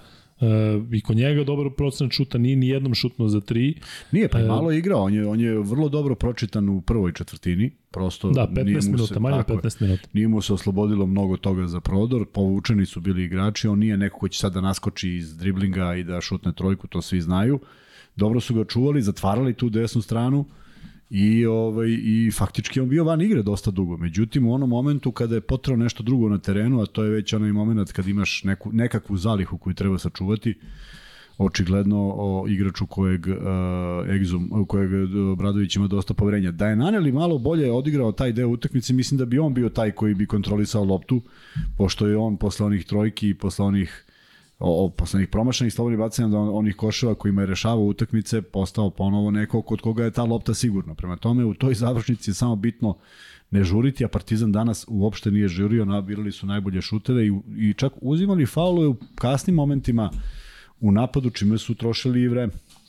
E, Zekla Dej, 10 poena, 5 skokova, jedna asistencija, on igrao danas zaista mnogo, nijedan da, igrač Partizana da. nije približno imao minutažu kao on više, ne, u stvari pa Petro igrao 35 minuta, ali da je igrao 32 minuta, mm, a za 3 poena on je jedini koji danas imao slabiji procenat šuta, osim oni koji su jednom šutnuli promašili, on imao jedan od četiri ali Ledej opet imao i onih 2 plus 1 kada je bilo potrebno. Ima, ima, ima. Igra svoje Ledej. Tako, tako, igra svoje i ne treba da se nešto nervira. To, taj šut će doći pa će šutnuti u nek, nekada 2 od 4, što je već sasvim dovoljno. Promeni potpuno sliku, a njemu daje dovoljno samopouzdanja, međutim vrlo bitan faktor i u krajnjem slučaju ne bi bio toliko na parketu da, da, da nešto nije valjalo. Prema tome, neko ko očigledno uh, ispunjava sve te nevidljive zadatke, dobro ih radi, ne gura se nešto pretarano da šutira, a video se onih par poteza lepih kada se oslobodio jednog pa drugog igrača, dakle, odrađuje dobar deo posla. E, da, e, Papa Petru. E, nije šutirao danas za dva, to je jedino što mi smeta u igri Papa Petru, dakle ja ga pamtim iz Panatrikusa kao neko koji je tekako znao da reši leđima i licem, da naskoči na polu distancu onako iz driblinga, ali danas 9 pojena, 4 skoka, 3 asistencije, tri trojke, jedna na početku, ona jedna kada je, kada je baš onako, Trebalo, da. da kažem, i prelomio možda meč, da. kada je Partizan otišao, mislim, sa 12 na 15 razlike, nećem se sada, ali... Pre toga ona jedna, kada je posle dve promašene. Jest, tako je, tako je. Kada je, u svakom slučaju, Papa Petru, kao i, i nekoliko drugih igrača Partizana takođe podiže svoju formu kada je potrebno. Da, ali pazi, dobro pročitan. Čuli su ga visoki jaki igrači i za taj post-up ne možeš baš uvek da, da, da uradiš to što si želeo, tako da je on jedno vreme bio van te igre, što je zamisao Saleta Obradovića, međutim, ako je iznenađenje, ako je on prepoznao to da je, da je dovoljno sposoban da šutira i uzeo te šute, koliko si rekao da je ukupno šutirao trojke? 3 od 5. 3 od 5, da. to je fantastično, s obzirom da su išle one dve vezane, pa je probio i tu blokadu i i postigao treću u bukvalno tri napada. Tako da ovaj, diže se on ovaj, u svojoj formi, vrlo bitan za, za, za igru, u defanzivi, kažem, neprimetni oni zadaci gde on rotira i pravi ozbiljne probleme napadačima. Reket je bio pun, mnogo šuteva Jamesa preko svih igrača, mnogo loših pozicija koje su nekako igrači Monaka uspeli da vrate, ali potpuno bez ideje u četvrtoj četvrtini, što nije samo uzrok kao što rekoh, Jamesa, već i činjenica da je Partizan ostao fokusiran, nije dozvolio od samog početka četvrtine nije dozvolio ni jedan lak poen i sve što su se dogovorili to su i odradili. E, Smajlagić 3 poena, e, dva skoka za 11 minuta na parketu. Smajlagić opet jako dobra energija u odbrani, ali e, jel ti deluje da je Smajlagić i kada misliš da će moći da pruži neki 20-25 minuta kvalitetnih na terenu? To ipak mora sporo da, da, da, da, da pa, ide, zato što on ipak se on vratio, ima vremena da. koliko se... Ali ja sam ubeđen da, da Obradović ima svakako ima simpatije prema njemu u svakom smislu. Dakle, nema nikakav neki loš odnos, to sam ubeđen. Nema, nema ni prema kome. Teško je da ima, ali negde Smajlagić mu je ovaj, sigurno onako i simpatičan i, i, i drag i dečko koje možeš da kažeš i to stvarno da uradi. Naravno, za to treba vremena i da se vrati mentalno, ali on to bolje vidi na treningu. I ja ne sumnjam kada Smajlagić igra 11 minuta, zašto igra 11 minuta? Zato što to procenjuje trener koji ga gleda svaki dan i verujem da ne želi da drži dobrog igrača u dobroj formi na, na, na, na klupi. Tako da od treninga do nekog zalaganja, do nekih rezonskih stvari, do nekih dobrih dogovora koje, koje se ispuštuju na terenu, od toga zavisi, ubeđen sam, minutaža svih njih uh, i, i pa Ismailagića.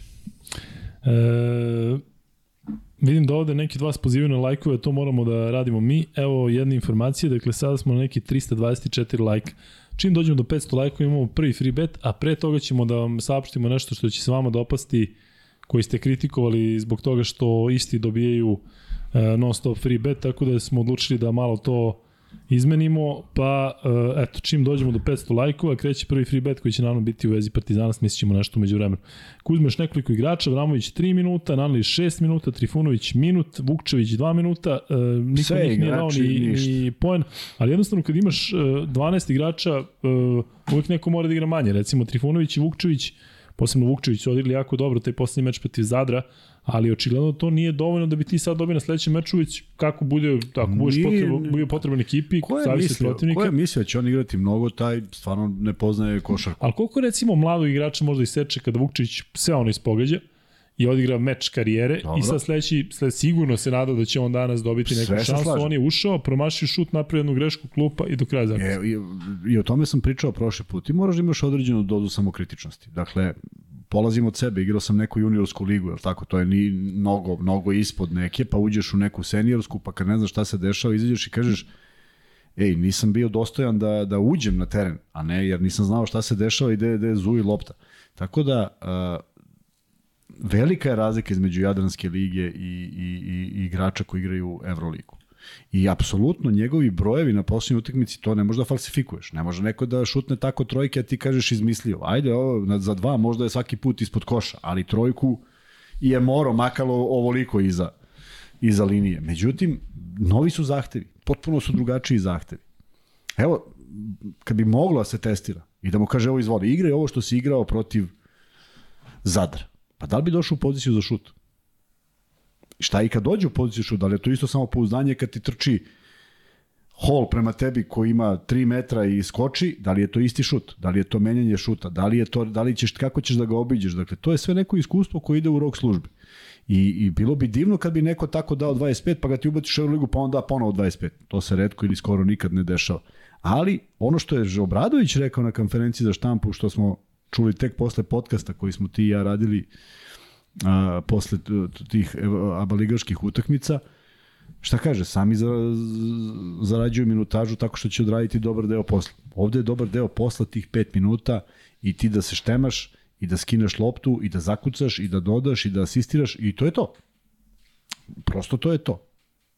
U ovom trenutku to je ono što treba da uradiš, zato što svaki od njih mora da bude neki igrač zadatka dok ne stigne do forme i da ubedi trenera da on može svaki put da postigne 15 poena, onda veruj mi, ni jedan trener te neće držati na klupi kad ima, ima, ima što u rukama.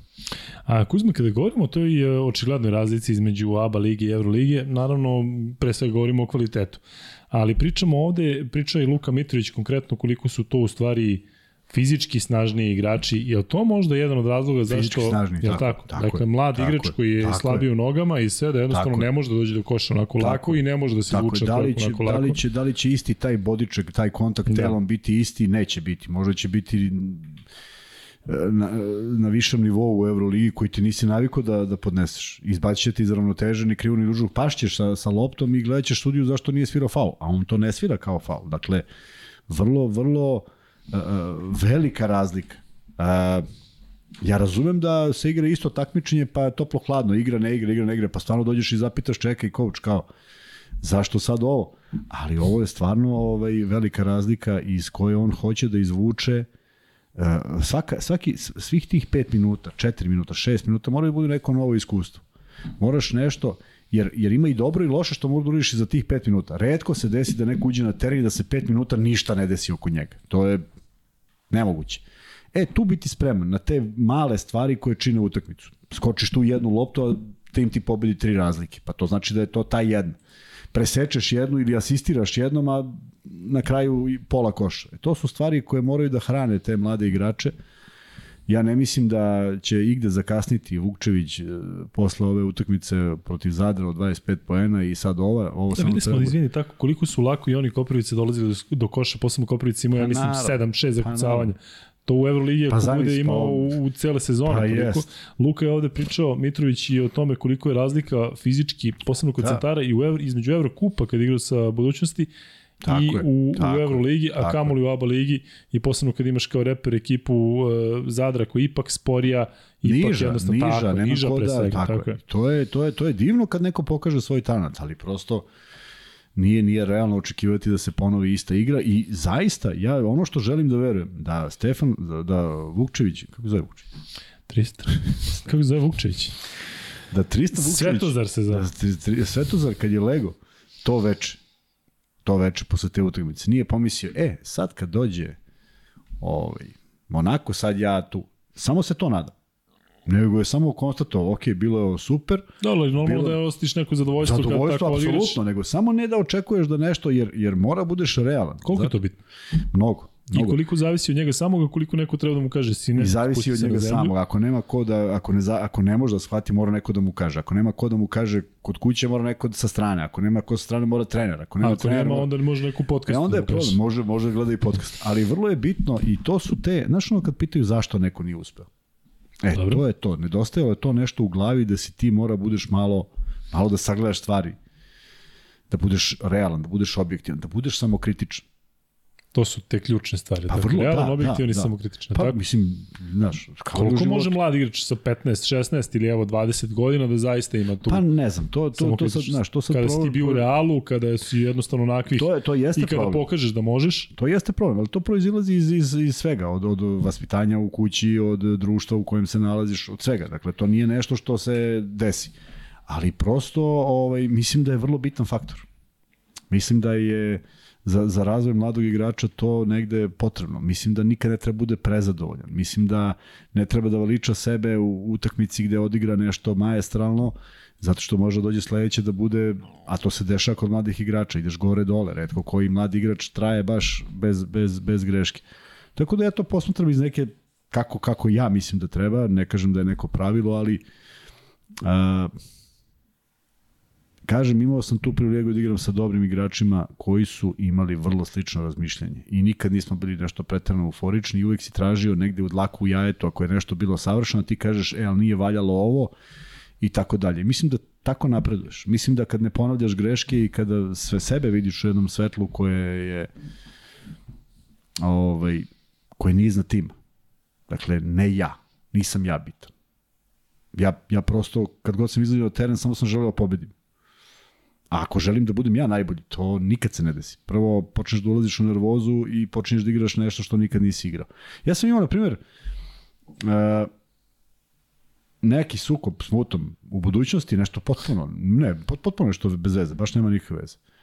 I nešto, i ja odem nervozan kući i kažem, sledeći trening, dolazim i kad krenemo da igramo 5 na 5, ne dodajem. Neću da dodam nikom loptu. I počinje 5 na 5, naravno niko ne zna za to. Počinjemo 5 na 5, ja izlazim iz bloka, primam, ba. 1-1 za 3, 2-2, 3-3. Šta uradim s četvrtom loptom?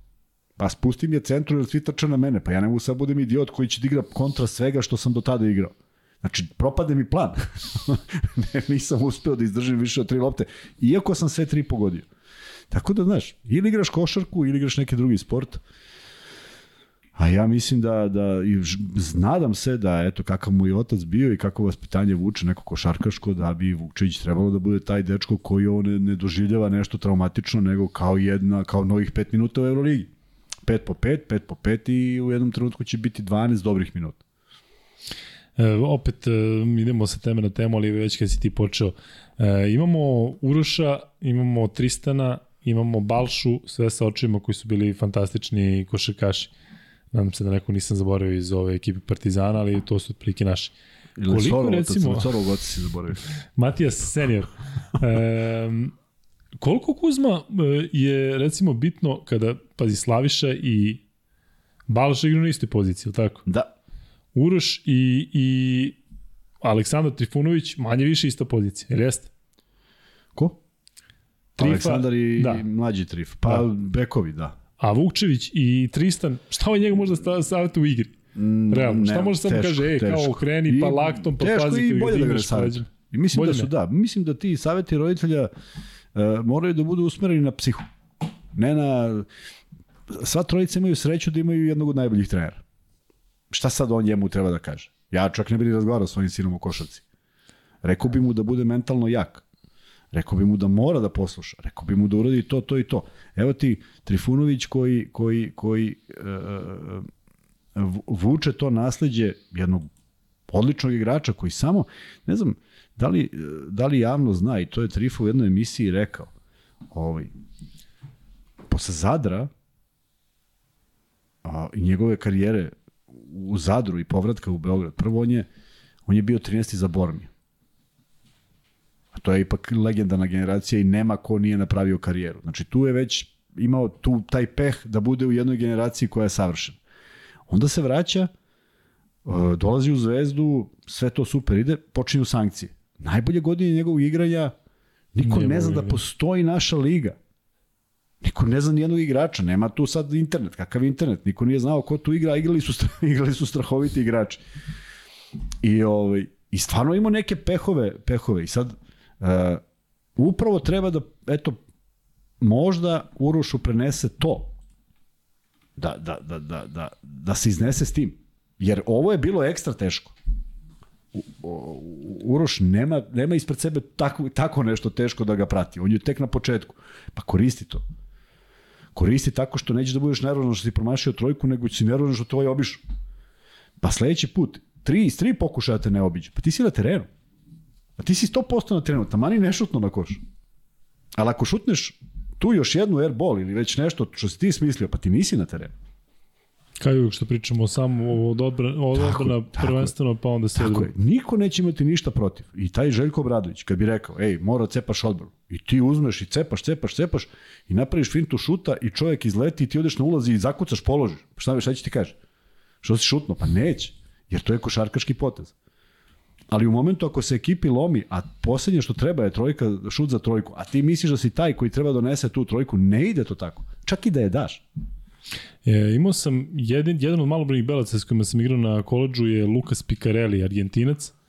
E, jesi imao ti takve igrače, sad se imali smo 3 sata, samo se igra odbrana, nema nikakve lopte, on uživa, kaže, ja odbrano obožam, kaže, ja, ja kao, jesi imao takvog, ja razmišljam, koji je ovo mental, da li je moguće da njemu zanimljivije da igra odbranu i stvarno je bio odličan play, igrao je jako dobro napadu, ali jednostavno čovjek uživa, kaže, da, da. ja bi si imao takve, takve igrače, sa igrače. Pa ja sam bio takav tip debil. Da, tip. Voleo sam da neko ne da koš. Glupo zvuči, stvarno glupo zvuči. Ali ja se pojedem živ. Mislim, neverovatno. I stvarno mi je to bilo negde, jer kako bi ti rekao, okružen si izuzetnim igračima. Znači, tvoji saigrači su imali takvog igrača. Moje da imali debila jednog koji je samo igrao odbranu.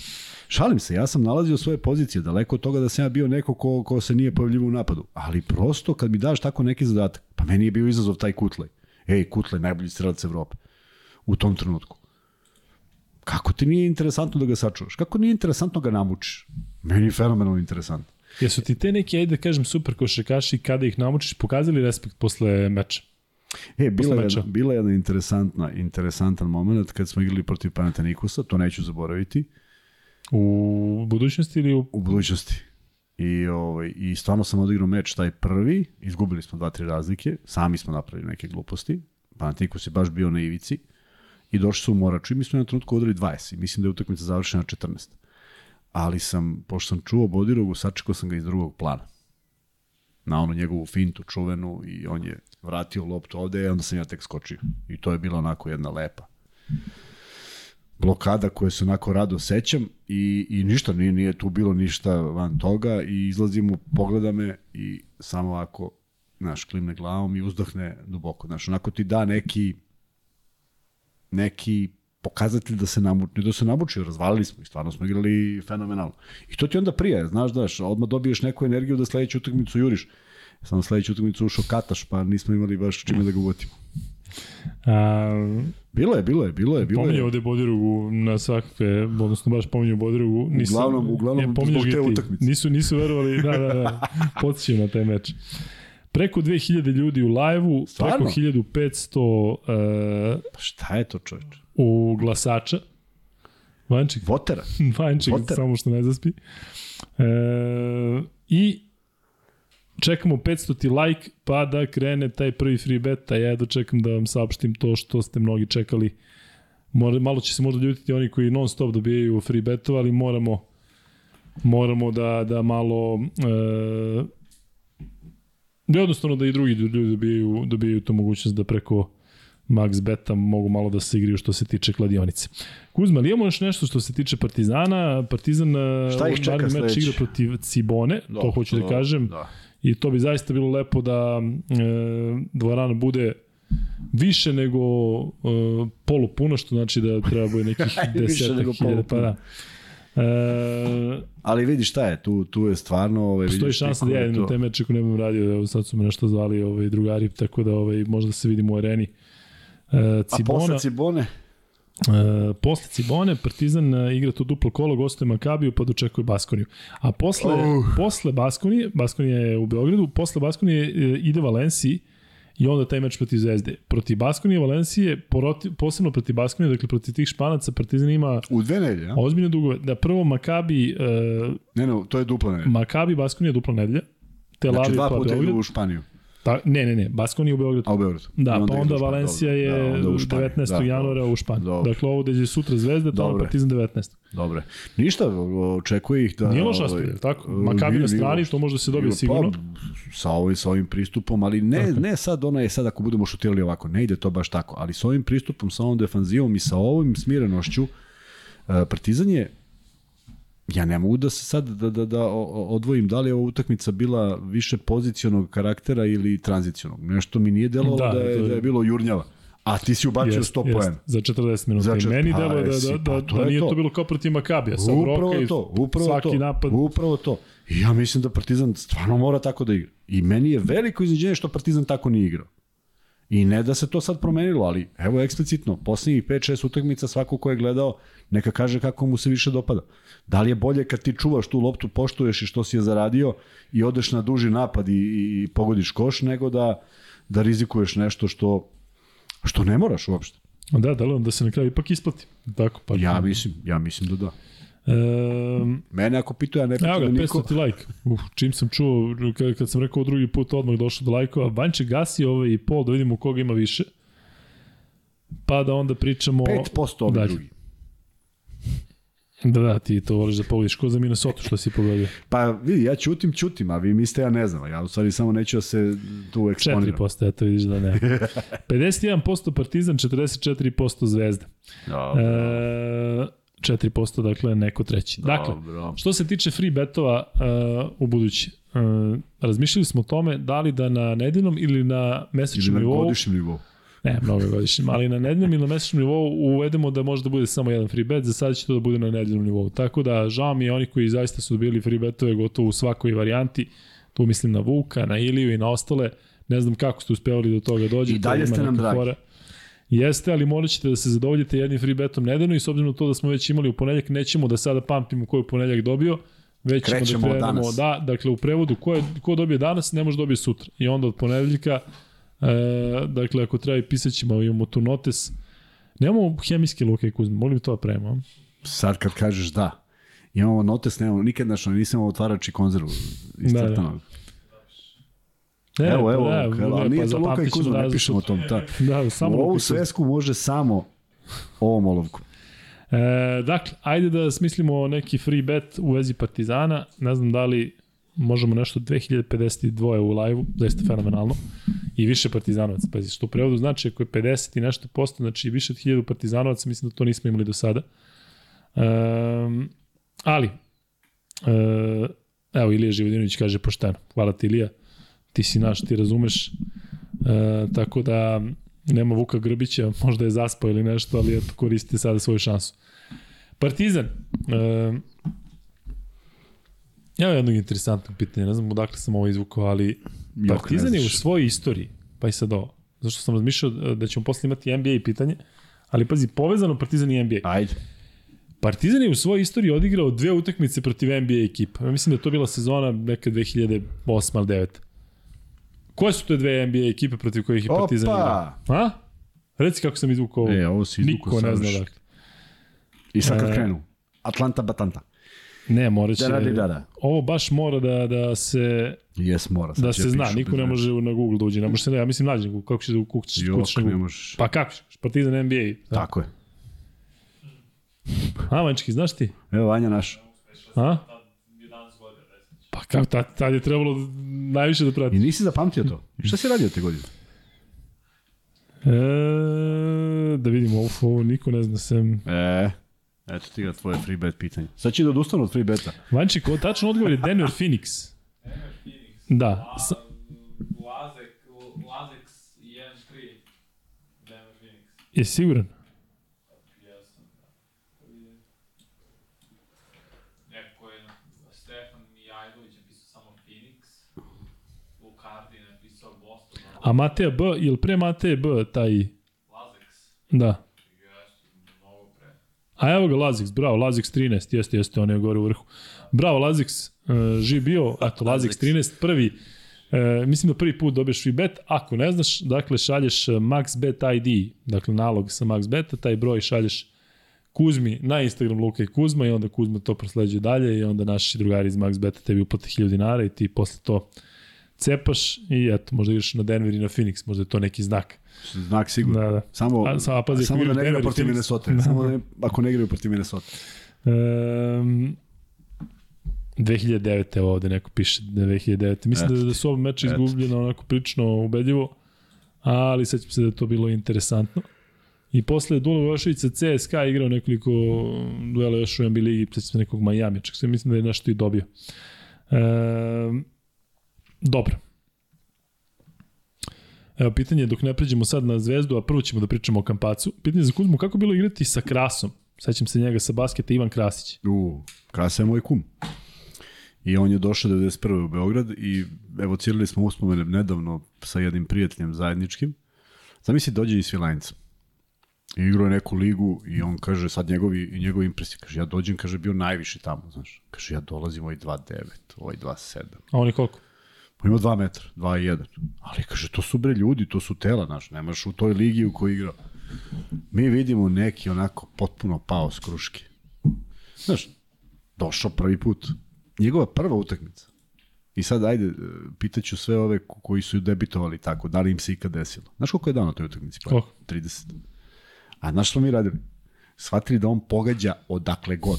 I samo smo, samo smo, mi takvog igrača realno nismo imali u toj ekipi. To su bili o, o, mlađi, mlađi igrači u prvom timu. Nismo imali nekog takvog šutera.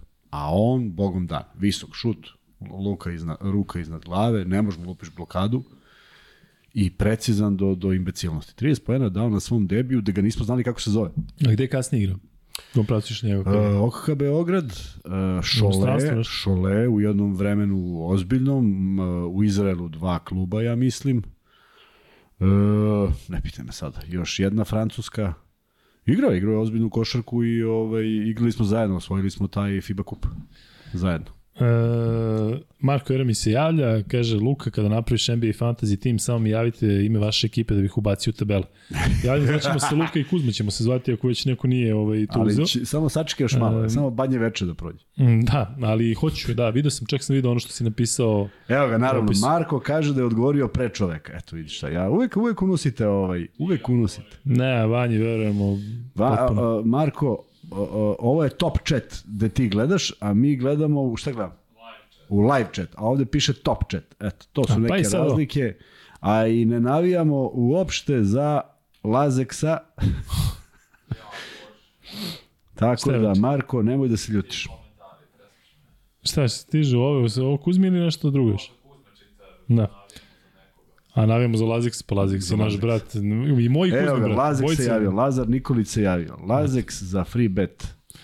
E, a pazi, imaš pitanje od Lazara Jovanovića, ne znam da li je to naš Laki. Laki, ako Kako si da ti ne? javi... Samo, samo neću da kažem. Da, da, javi na mobilni da si ti. Da forsiramo tvoje pitanje. Free bet za Kuzmu, da li zna gde igra Cirbis? Pa ja sam mi rekao pre neki. Pa rekao sam ti. Zaboravio sam. Pa to te pitam. Nisam dobio E, free bet. Čekaj, čekaj, pomozi mi. Na primjer, Na B. A završava se na. u Belgiji? Pa ne igra za Belgiju, za belgijsku reprezentaciju. U kojoj ekipi? A u kojoj ekipi? A počinje na B, mu ekipa počinje. A završava se na. Maj. Sad Pa nije. Braga. Nije Braga. Jel jeste? Ali jeste portugalski. Pa šta ima na B? Pa šta drugo ima u Portugalu? U- Boa Vista. Boa Vista, bravo. bravo, Kuzmo, bravo. Belenenšeš. Belenenšeša. Belenenšeš. Mm, Da. E, Da, negde u Portugalu igra. Izgubili su, Benfica izgubila sada od e, koga u FIBA Evrokupu, izgubili su nešto 13 razlike ih neko dobio i to ih je dobro napucao kod kuće. Da, Darušafaka ih je dobila. Darušafaka bre sklopila ok tim, kako su izgledali na početku sezone, sada su doveli i White-a i još jednog igrača, ali ovaj, e, ne pratiš FIBA ligu šampiona, ne. Da. Imam i dalje Mora problem sebe sa imenom. Imam i dalje problem sa imenom te ligi.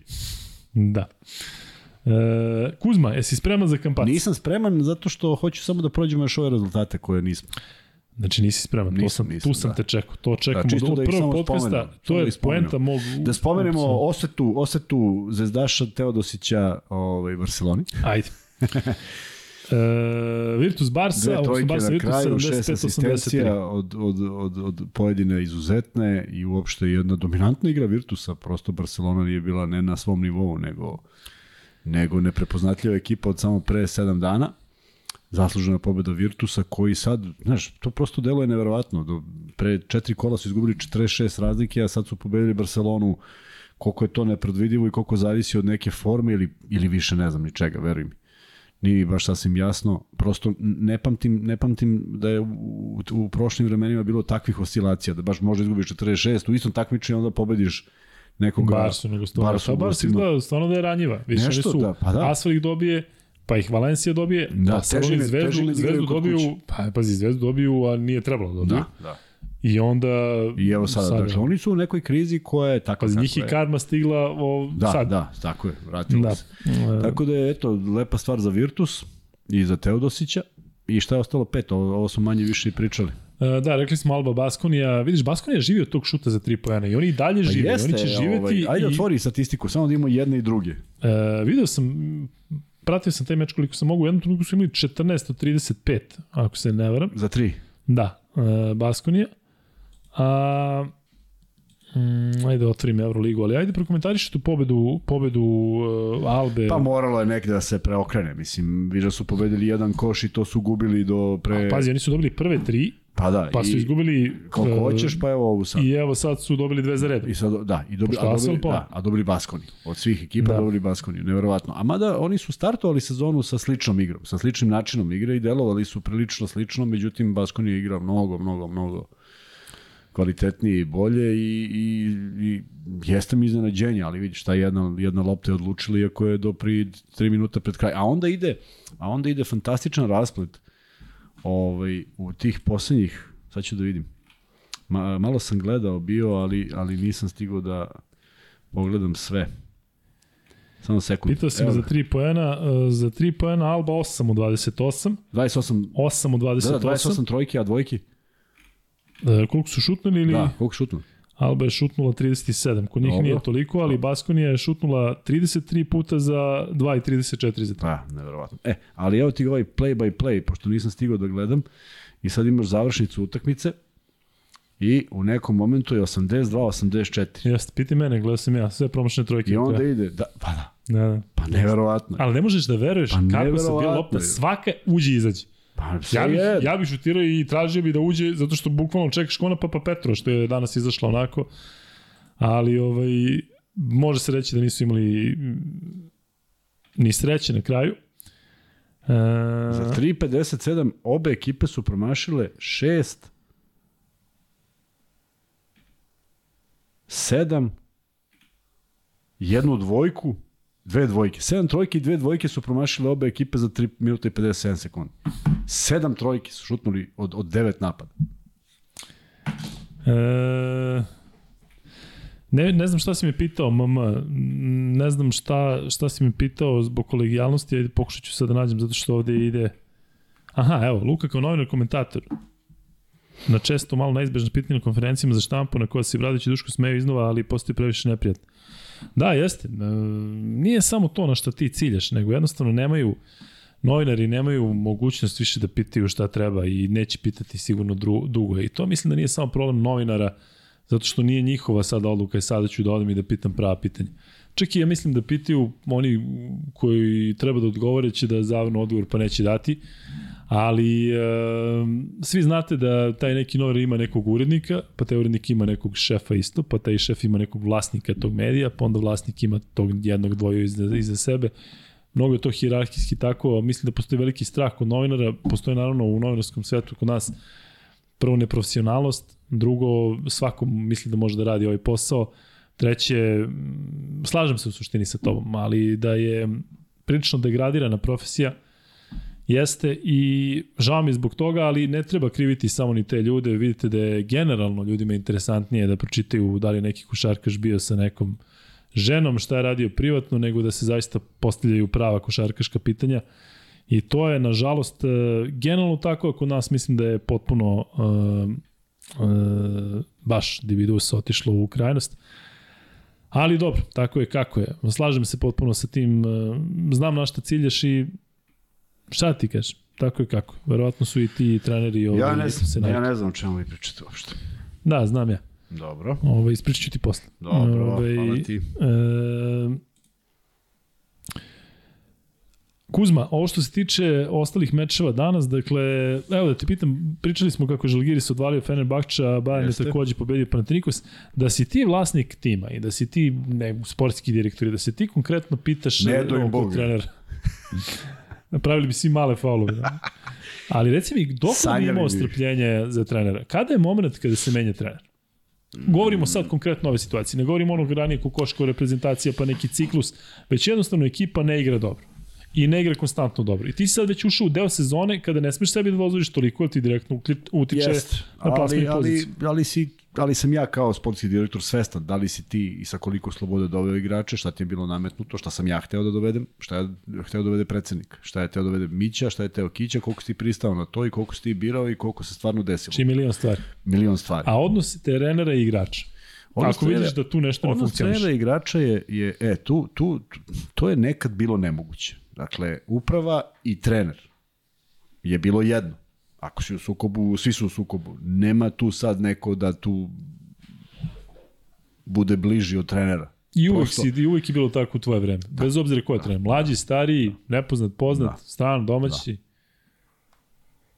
Nikad nisam, prvo ja sam, ja sam zaista od, od starta poštovao svoje trenere. Da li mi se neko kasnije vremenom dopadao više ili manje i da li sam mu verovao, to je stvari do njega, ne samo do mene. Ali ovaj, prosto tako, tako, tako prihvatiš. Došao je i to je to. I sad kreneš da radiš. I cepaš i sve što kaže. Tako da e, vremena su sad drugačija, sad su kombinacije drugačije, sad uh, ja, meni je žao što Dejan Radović proživljava ovo, malo se spasa u jednom momentu u sezoni pa je opet krenuo nizbrdo. Žao mi je zato što da smo ikad razgovarali na tu temu, a da sam ja imao neku mogućnost da mu kažem zašto ne, ja bih mu i rekao. Nisam imao prilike. Ovaj, zašto Ali ne? kaži zašto. Pa zašto je stres? Stres, stres u Zvezdi je ništa raspam stresa u Panatrikusu i Olimpijakosu. To je potpuno jedna druga dimenzija. To je stvarno, ti, ti ja ne znam da li, ja nisam doživeo da ja ne mogu sad negde šetam kroz Beograd pa da uđem i u kafić pun jednih, drugih ili trećih navijača. Tamo je to stvarno tako. Imaš neka ograničena kretanja. Nije to baš... Misliš Ne da ideš Deo na pire, pa ne ideš na pire. Pa gde god da ide, ne ide, znaš. Dobro, misliš da je gore nego u, u, u ovde. Da, da, da, to sigurno. A zar se nije on, da kažem, istrenirao i iskalio, što, pošto su mu svašta pričali dole u budućnosti, odnosno svašta su transparentni i ostalo? Jeste, sve to stoji, on se navikao, ali kažem, opet dolaziš u jednu da, da, da, da, da njihov temperament je takav da, da nema normalnog dana, običnog u kojem postoji faza odmora. Tako Grci funkcionišu, generalno. I kad pričaju o najbanalnijim stvarima, ti si u stresu o čemu pričaju. Ovaj, I pritom ekipa nije od starta ličila na nešto spektakularno. Iako je on imao ono bukvalno mogućnost da dovede koga hoće, E, manje to sad više. ne znam. To sad, to, to sad šta smo pročitali. Znači, Ali tako je delovalo. ma to što Posebno je što dovede Voltersa, njegov igrač, pa dovede neko s kojim je ranije sarađivao, pa neko Za- ima poverenja, pa- pa, sa. To su sve ozbiljna pojačanja. Slobodni Onda, igrači, vidi, bukvalno evo. ono što ti kažeš slobodni igrači, ovi su slobodni, Okej. bukvalno da biraš. Ok, ali sad ako nije tako, onda nemaš odgovor. Ako jeste tako, onda neko mora da ga pozove i kaže zašto je ovo ovako. I onda su oni vjerojatno imali razgovor zašto je to tako. Šta je bilo na razgovoru, ne znam, sad me gledaš kada očekuješ nešto.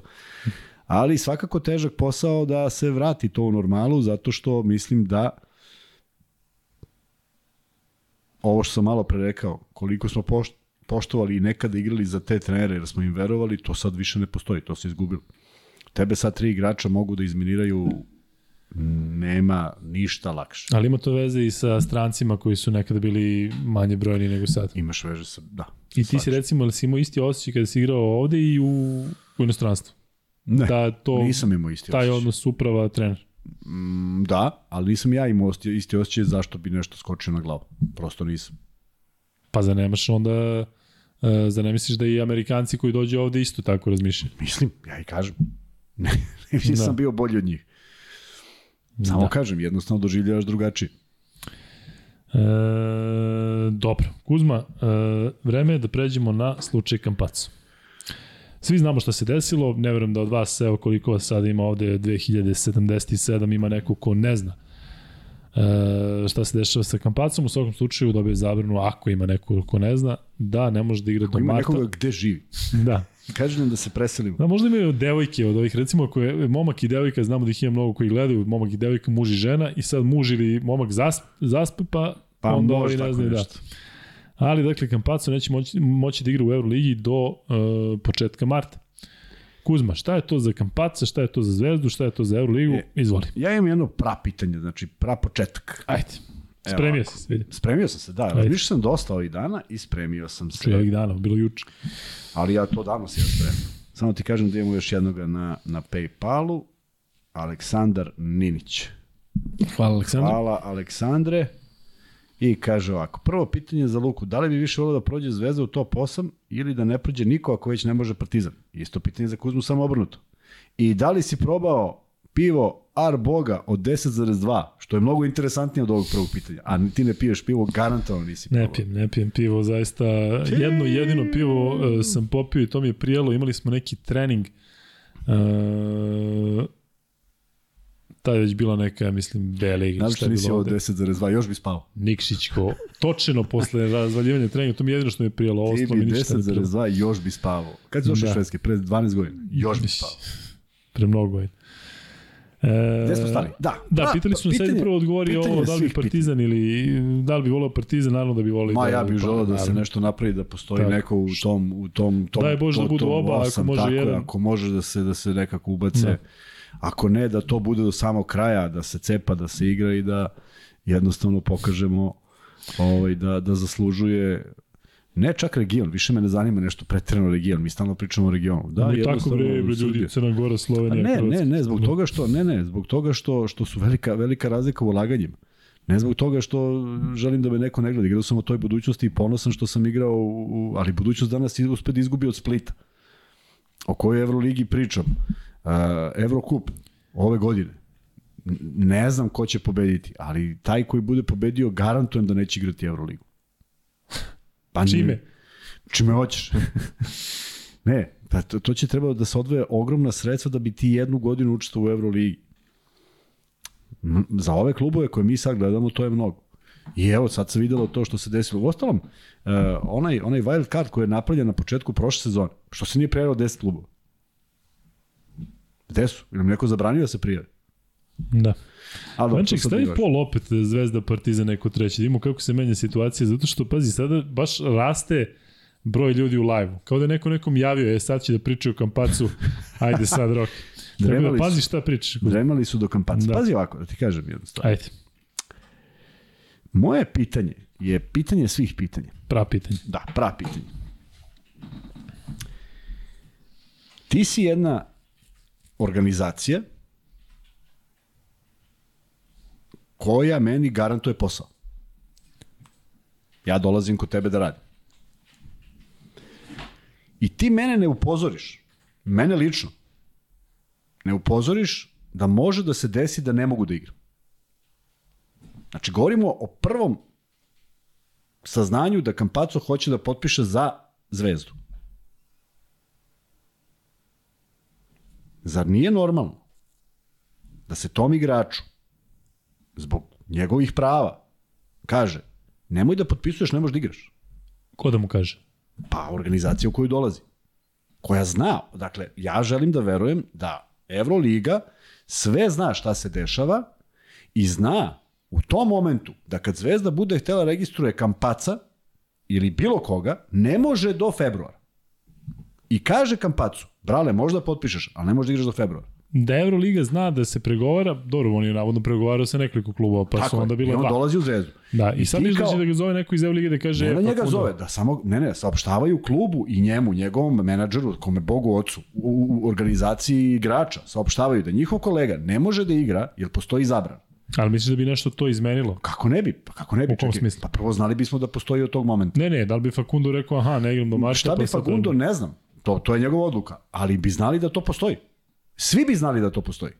Zvezda bi znala da to postoji, javnost bi znala da to postoji. Kao tako definisana kazna zbog kašnjenja u isplatama, je li tako? To Da. se nije desilo.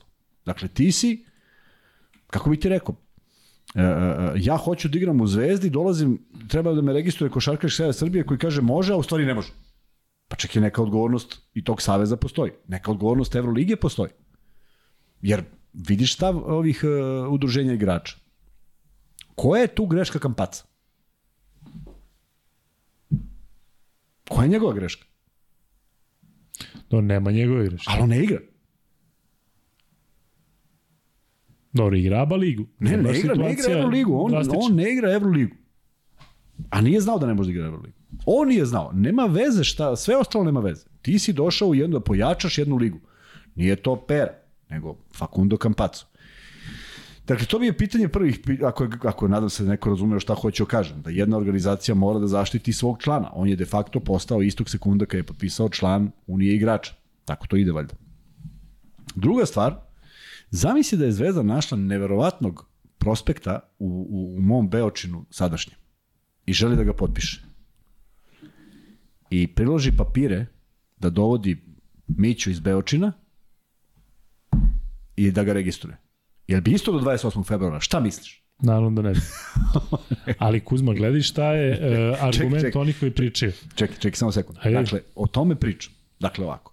Ja bih voleo da je Zvezdi kazna se znala od prvog dana zbog neisplate. Jer to bi, to bi zvučalo ovako. Gospodo, vi ne možete registrujete ili možete, ali neće igrati do tog i tog datuma po članu 42 stav 6 našeg pravilnika. I onda izvadiš ono, znaš ono iz crtanih filmova kad otvori ono, ono 300 strana i kažeš evo ga, piše ovde. Ovo ne piše. Jer da piše, tako bi se ponašali. Jer da postoji takva kazna, trebalo bi da je kažu. I ovo je sve samo moje razmišljanje, zato što bih ja volao da jeste utemeljeno u nečemu, da kad čuješ da, na primjer, Olimpija, Panathinaikos koji je dugovao ozbiljne pare igračima godinama, ja ne čuh da je imao takve neke zabrane. Možda nisam dobro informisan, možda jeste. Možda stvarno jeste. Ali mi se čini da, da je neka greška u koracima napravljena, bez obzira šta je Zvezda uradila i fair play i ne fair play. Zato što poslednje izjave da je prekoračen fair play, zašto još ne postoji kako? Zar nije lepo samo napisati zbog toga i toga? Ovako opet ostaje da je on prekoračen. Ali mi znamo da li je Zvezda imala zaduženje ili nije. Da odnosno da li ima dugovanje. Znamo čim da je imala. Čim je dobila zabranu, imala je. Tako je. Tako je. Ali znamo kome i koliko. Pa mislim, ja ne znam, ali A jel bi trebalo Znaš. recimo to da znamo? Da to isto bude transparentno. pa možda bi, možda u nekom srećnijem svetu. Možda bi to, možda bi to bilo zaduženje Euroligi. Kao što u NBA možda pronađeš šta god hoćeš, je tako? Pa o tome pričamo. Treba to da bude transparentno. takvoj organizaciji govorim, zašto da ne? Ali, evo, mi ne znamo. Samo možemo da nagađamo. Neko, je- neko je rekao O, bravo. uh, Jalen Adams. Bravo. Ali šta ako je zaista neki bivši igrač, koji je možda naš, ili neki stranac gde su neka mala dugovanja, Blokir. I, a znaš kako se recimo to dešava sa našim igračima? Aj ti meni oprosti, pa ćemo sledeći put, Kako pa ajde, tako hoćeš je. ponovno I, posle. tako. I neko I aktivira. sad dođe, dođe Euroliga i kaže, aha, ti duguješ, lupam sada, 50.000 evra, 20.000 evra, nekome, jednom čoveku, XY. A hoćeš da po, poš, potpišeš igrača za 4,5 miliona. Ja mislim da oni tom linijom idu kad kažu, e pa to nije fair play. Što nisi isplatio ovog nekoliko Sve desetina stoji, i stotina hiljada a imaš milione za ovog. Sve stoji. Pa na to mislim da kada oni kažu grubo kršenje fair play. Tako je, ali ne može da postoji kazna koja je sad saopštena kao takva neutemeljena ni u čemu. Što nije 31. jul? Koji je, koja je razlika? E, jel to misliš da postoji negde pravilnik? Dva meseca ili je neko rekao, ajde da pa kažemo ja bi, mart? e, čim bi ja to video? Pa ja ne bi sad pričao uopšte ovde o Kampacu. I ja to misliš da je recimo 1. mart? Jel misliš da je to kao sada oni su se Ne, tu... nemam pojma. Nemam pojma, zaista. Misliš da to Ne, ne, ima veze sa bilo čim? Nema. Da se Zvezda Nema. igra među sa Koliko španskim Koliko klubovima. je to pa dana? Da. Koliko je to dana? Jel se računa od dana kada je doneta, od 1. decembra? Tri meseca ste stavili. E, Da. to nisam čuo da neko kažnje. A zakleo bi se da neko nije isplatio na vreme, a kupio novog igrača. To bi se zakleo. Pa niko nije dobio tri meseca. Nema logike. Samo nema logike. A da ima, prvi sam za to. Izađeš kažeš, po članu, tom, tom i tom, komisija, Žika, Mika i Pera, doneli odluku, tap, tap, tap, tap, i ti, ti se učutiš. Napravio si grešku i to je to. Ovako, dešava se jedan potpuni paradoks. Uh, sećaš se kako su da Rušafaku ubacili u Euroligu? Doguš došao i onda je sve bio neki hajp oko njih i sad Zvezda i Partizan prave iskorak kakav nikad nisu napravili, kakav nikad nisu napravili, i ti zahvaljujući Zvezdi i Partizanu dobijaš 1, 2, 3, 4, 5, 6, pa makar 10 kvalitetnih igrača koji možda ne bi igrali Euroligu. Ne možda i baš sad ubaciš svuda, je li tako? Pa se time pojačala liga. Jeste. Pa si donao neki kvalitet? Jesi. Pa jel, jel znaš da to za Zvezdu i Partizan znači život na neki način? Nije to košarka kao Valencija. Nego je, jer ima tamo i futbala i svega. Ali ovde je košarka život. Ovde je svaki dinar nešto što je vrlo bitno. I ti se oglušiš o to i daš najtežu moguću kaznu da bi šta? Pa što mu nisu rekli ne može bude registrovan? Pa što, zašto to nije, to je ferije. Postoji takav izraz. Pa to je fair. Ne možete ga registrovati. Ma možete se žaliti kome, ne može registrujete. Niste ispoštovali fair play, ne može ga registrovati. I niko ne priča o kampacu. I šta nas briga onda više? Ali evo sada ovde neko piše, Ivana Paunović piše, ne znam da li je u pravu, Ivana, nadam se da jesi, ali kaže, Luka Crvena zvezda je znala da je do sada napravila već dva prekrša i ovo je treći. Ok. I koja je kazna? To je ok. Možda će biti i šesti. Kolika je kazna? Jel to onda sa dve godine? Daj samo da znamo. Jel, jel znamo, jel znamo, na primjer, kako mi možemo znamo da je Panathinaikos isplatio sve igrače od prošle godine? Možemo samo da nagađamo. A odjednom su se pojavile vesti da duguje i ovaj, i ovaj, i ovaj, i ovaj. A ja verujem da ni Real i Barcelona nisu uvek čisti. Kao najmoćniji finansijski. Dakle, Ali misliš da toga ima i u drugim uh, klubovima i u drugim zemljama, pošto znamo da Partizan i Zvezda funkcionišu tako. To je poznato i u futbolskom klubu Partizan i u futbolskom klubu Crvena zvezda i u košarkaškom klubu Partizan i u košarkaškom klubu Crvena zvezda.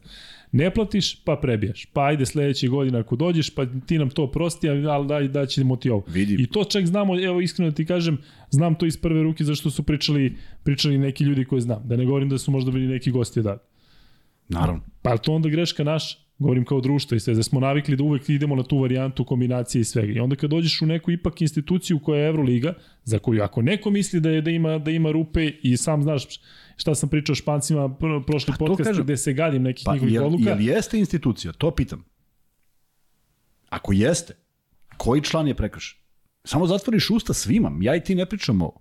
Ne pričamo, pa prvo nemam interes da pričam ovo, sad ja nešto tu dravim, nego prosto, prosto razmišljam. Ali jednostavno to tamo ne može da prođe. Ja sam siguran da u KLS-u i, i u ABA ligi neke stvari koje rade Partizan i Zvezda garantovano prolazi i završavaju se preko telefona. Završavaju se tako što, e, sada ovo, ajde ovo, ajde ono, A misliš završava se na tamo, misliš tamo kombinaciju. su imuni? Ne, nego jednostavno možda nemaš domet. Ili možda taj kome hoće da se obratiš ima protiv tebe nešto. Možda, možda Real ima domet. Tako je. Možda E, to, je ta, ne, to je ta nepravda o kojoj govorim. Pa, če, ali o tome pričamo, znači govorimo o instituciji. Institucija mora bude nezavisna. Šta je nezavisno? Ništa više nije nezavisno. Ali mi sad verujemo da ta, e, ta, da ta Euroliga sve doživljava isto. Ali bi ti lakše, ne lakše palo, nego misliš da bi lakše generalno bilo da sada znamo da iz, i, i Valencija i Real imaju isti odnos? Ne, ne bi mi ništa padalo lakše. Padalo bi mi lakše da je neko mudar, dovoljno mudar, napravio ligu koja treba da liči na NBA, je tako? I kaže, momci, treba se dogovorimo koliko imamo članova, 9, 10, koliko ima onih koji imaju pravo glasa, koliko je u komisiji, toliko. Šta ako neko uradi? To i to. Šta ako neko uradi? Imali su vola pravnika, pa i Bartomeu je advokat, je tako? Dakle, Da, imaju da. čitav tim. I naprave 64.000 strana pravilnika. I dodaju ti ga na početku sezone i kad ti pitaš, izvinite, šta smo mi iz Zvezde pogrešili? A on kaže, evo ga. Ja onda, ti, Kampaco, ne pričamo ništa, ne pričamo o košarci. A ili smo sigurni da nema? Tako nešto. Pa ja, na, znaš kad bi ja to vidio, valjda bismo već videli. E, se sećaš prve vesti kad Zvezda najavljuje da je Kampaco registrovan? Sećaš šta je, šta je sledeća vest? Da će možda biti... Sledeća vest je da je Euroliga se oglasila čak u jedan, čak jedan portal i piše evo zašto Kampaco nije registrovan. Evo zašto. I kaže, Euroliga se oglasila i rekla da nije istina da je Kampaco registrovan. I kraj, tačka. Znači, ni tad nismo saznali zašto. Zbog čega nije. A treba, jel treba Euroliga, ili ima Euroliga uopšte pravo da sada kaže mi ćemo da kaznimo evo, zato što Zvezda nije isplatila tog, tog, tog i tog. Ne znam, pa ne znam. Možda oni nemaju pravo da sada e, iznose nešto što je ipak privatno kluba. Tako? Stvarno ne znam. Ne znam, ali to mora negde da postoji zapisano. Ali ja, kad bi se branio od napada, ja bi se branio argumentima. Ako su argumenti na mojoj strani, nema nikakvih spekulacija, ne možemo pričamo ništa kad bi šta bi, nego jednostavno zna se član 64 stav 2, potpis, svi potpisnici, okreneš čak i kažeš, pa jeste potpisali pravnik, pa ispod doviđenja. Ali nema, to izostaje. Zato, izo, zato i postoji ta sva priča oko svega toga. A sad ima još jedna treća stvar, Treća stvar je što, a, znači, složio se sa mnom da je, da je Mića iz, iz Beočina da nema ove frke, je li tako? Zašto nema kad pokazuješ doslednost? Ne možeš da registruješ nikoga. Šta Zato- me briga za Pa Miću? zato što nije možda vidljivo toliko e, Ma ne znam, milioni, e, pa ovoliko ovo i upravo- ovoliko Ali ono. upravo ti kažem, ne zanima me, ne možeš, tebi je zabranjeno da registruješ igrača. Nisu rekli Ne, zabranjeno ne, da razumijem, registruješ igrača te, preko 2 ali taj miliona. Mić uopšte ne bi bolao nikoga, nego bi rekli, evo Miće ne može do februara, ali, e, a veze, nije, ovako ne bi igrao. E vidiš, to nije pravilo. Tako je. To onda Slažem nije pravilo. To onda mi sad daj, dobro, nema veze. A pošto je Kampaco u pitanju, sad su tu neki problemi. Jer da nije Kampaco, da je Mića, svima sve jedno. Boli dupe. A nije. Treba pokaže snagu i tu. To i jeste fora da pokažeš. Pa kad neko pita, ali to je baš besmisleno. A on kaže, e, brale, besmisleno, ali to važi za sve. I ti kažeš, uj, jebote, ovi stvarno bre misle na sve. Da, Ovako- tek bi nastao problem, jel se, jel se slažeš da bi tek nastao problem da je Euroliga rekla o, to što ti kažeš, aha, hoćete kampaca, e pa ne može zbog toga, toga i Tako toga. To tako je. bilo, Zvezdi se brani da dovede najboljeg Ma, igrača ma, vremena. ma, ne, posle može Zvezda priča šta god hoće. Ne kažu, Zvezda, nego zamisli šta bi onda, kakav bi odnos bio prema Euroligi. Pazi, hoće dođe Ne, najbolji, ne možeš. Zvezda hoće, ne a, možeš, a ne daju. ako imaš, ako imaš razloge zašto, ako imaš razloge zašto, može samo, vidi, može ti nekom da objasniš da je sve tako i da on kaže da nije. Ali to nije razuman čovjek. Ali ako si ti pokazao da, da je sve to urađeno po pravilniku, pravilima, primenjenim pravilima, po svemu, nema šta da neko, možda, možda negiraš, ali prosto postoji negdje. Ovako ja, ja ne, ne, da me ne shvatiš, ne sumnjam da postoji, ali ga nisam video, znači nisam ni ubeđen da postoji. A na sve to, aj sad, šta ako se desi da se promeni odluka? Pa ga registruju ranije. Tek to nema smisla. Zašto navijam? Ali tek to nema smisla. kako, kako se onda licitira? Pa je li kazna ili nije kazna? E to su neke stvari koje ostaju potpuno nedorečene, a prvi put ih čujemo sad. I naravno da mi kao narod koji je ovde propatio krene o teorijama svi protiv nas i tako dalje. S druge strane, ako postoji promil šanse da je tako, da nemamo isti tretman kao pojedini klubovi bogatiji sa istog, sa istog govornog područja, ne treba čak ni da se likuje za nešto se dešava sada zvezdi. Znači, treba budeš jednostavno u fazonu, e, daj da vidimo mi mali kako nekako da, da, da izbegnemo sve to, da ne budemo baš takvi, tako da e, meni je najlepša stvar koja se desila taj stav Unije igrača koja priča neku smislenu priču. I meni kao čoveku koji navija za košarku je izuzetno smislena priča da si namirio sve što si dugovao, imao neku kaznu koja je trajala određeno vreme i staviš neko, a ne da traje dva meseca od momenta kada se o tome priča. Jer mora jedna stvar da se zna. Zvezda je dobila 1. decembra. To sam pročitao negde. Ja mislim da su oni 19. poslali sve to, jer je Kampaco tada postao aktualan. Pa ne možeš sad za 20 dana neko kazniš 3 meseca. Nema logike. Pritom, ono što znam, to je da nisu isplaćena dugovanja do tog 1. decembra, nego su plaćena sad sva dugovanja, znači nisu platili to što moraju, nego su platili sve i ono što ne moraju, da bi bili čisti. Pa je li to pošteno? Ti sad znaš da to radiš samo zato da ti ovo ne bi pravilo problem. Sad, da li je pošteno, nepošteno, ti si uradio korak napred, znači sad si završio celu priču. I da mislim neko ko čeka sad svoju lovu i čekao i čekao je i sad znači namestilo mu se da bi dobio zato što je neki kampač. Pa šta se buni? Neću, sad neću. Neće da se buni sigurno, Nego? ali generalno je li to fair play? Pa je, je li fair play što ne postoji uh, uh, salary cap? Je li, je li to fair play prema... Slažem pa, se da je ne. sistem bušan, Pa, da je sistem Pa o tome loš. pričamo. I ne možeš sad fair play da istovariš na zvezdi. Partizanu, bilo kom. Nemoj da istovaruješ nešto što, što do tada nismo čuli da postoji. Nemoguće je da niko nije napravio gaf. Prosto je nemoguće. A ako postoje dokazi šta je gaf, pa daj da vidi svi znamo. A to onda na strani Evrolige. Oni treba pokažu da su ozbiljne organizacije. A nekako im ovo ne ide u prilog. Ne ide, ali ja još jednom ti kažem, ja mislim da bi bilo još gore da su oni rekli, e, ne može Kampacu, niste isplatili ovog. Neće igrati celu sezonu ili neće igrati do marta. I ti kažeš onda Kampacu kaže, pa neću, meni nije u interesu, menadžer ej, nije u interesu. ali opet- Onda je bilo, pazi, ne daju nam, Luka, mi opet, ali opet 8. polazimo samo od jedne pretpostavke. Da li je to da ne možeš da registruješ igrača zapisan? I nema dalje. Gospodo, evo, pošalješ svim, svim uh, ovim portalima, svim novinarima, pošalješ faksimil na kojem piše ukoliko klub to i to ne može da registruje do kraja sezone. I onda, i onda ne ulaziš uopšte u priču o kam, kampacu. Da, e, razumijem te šta pričali. Evo ovde su neki pisali, ne znam da li je tačno, da su oni to poslali Zvezdi. A da je Zvezda onda dužna da li to je javno. Pa ne, da, da li će Euroliga da šalje našim domaćim portalima faksove? Ne, nađeš, ne, nađeš na njihovom, na njihovom, njihovom sajtu. Mene zanima kao Misliš čoveka. oni da objave? Pa Mene to zanima dosta. kao čoveka iz Reala šta radi Zvezda. I šta sad ja ću zovem lično Evroligu. Evroliga objavi da to ne postoji. Ali ne da, ne da nemaju uh, preciznost rečenice, ne da nemaju pravo da registruju do kraja, jer onda je do kraja. I samo je pitanje, je li ova odluka da nemaju pravo do 28. februara i da Zvezda nije htela da registruje nikoga ili je nastala kada je došao Kampacu? Da li me razumiješ? Ne, ne, kapiram. To je to. I sve što treba da urade, sve što, što bi ja uradio, na svu tu halabuku, jer sad se prozivaju i ovaj i onaj, ti ovako, tapa, tapa, tap, Associated Press, ono, valjda to još uvijek postoji, tako je nekad bilo. Fu, a ono izlazi faksimil kojim je Euroliga obavestila Zvezdu da ne može da registruje igrača. I sve pada u vodu. I svi prestanemo da pričamo. Idemo dalje i igramo, gledamo igrače koji mogu da igraju.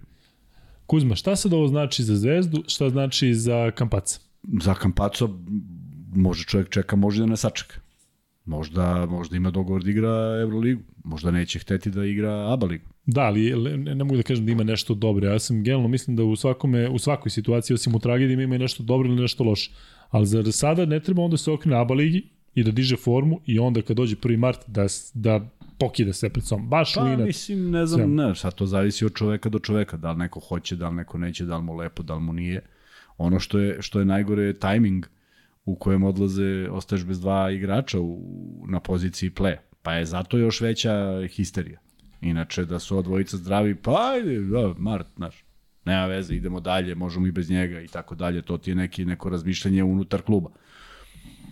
Ovako ispada, ispada, a na sve to, na sve to da bi otklonio sve špekulacije, uh, uh, pobrinuo bi se baš zbog toga što Zvezda igra sa tri španska kluba. Da mi niko više nikad ne prigovori da, da to ima ikakve veze. To bi ja uradio, da sam, da sam neka takva organizacija. I sada igrački. Dakle, nema Kampaca do 1. marta. Nema Vildose, još sigurno koliko smo rekli. Još jedno mesec dana, tako? Do, do polovine februara. Tako je. Nema Ivanovića koji bi trebalo da se vrati Krajem ranije. januara, da. Je li tako? I šta sad to znači za Zvezdu? Evo sad govorimo igrački, ko tu preuzima? Dakle, Marković igra više, Lazić e, igra više, Marković Nedović igra više, više Marković. Marković igra više i Marković igra više. I morat će Topić negde vjerojatno bude u sastavu. I kakva treba da bude reakcija Zvezde baš protiv tih španskih klubova? Da li treba da bude, e sad ćete da vidite, Pa prvo ovako, prvo, prvo reakcija će biti, pošto, e, e, zar nije za četvrti bilo zakazano ono da, da se priča o utakmici? Niko ništa nije ni objavio. Se, si primetio nešto da, Da. da. neko objavio? Dakle, prosto ništa se nije desilo. Već prva utakmica će biti problematična. Prvi put kad sudija bude svirao da je neki zvezdin igrač nagazio out liniju u ćošku, što se dešava na 90% utakmica, nastaje pakao. Biće, sad si ovo video i tako dalje.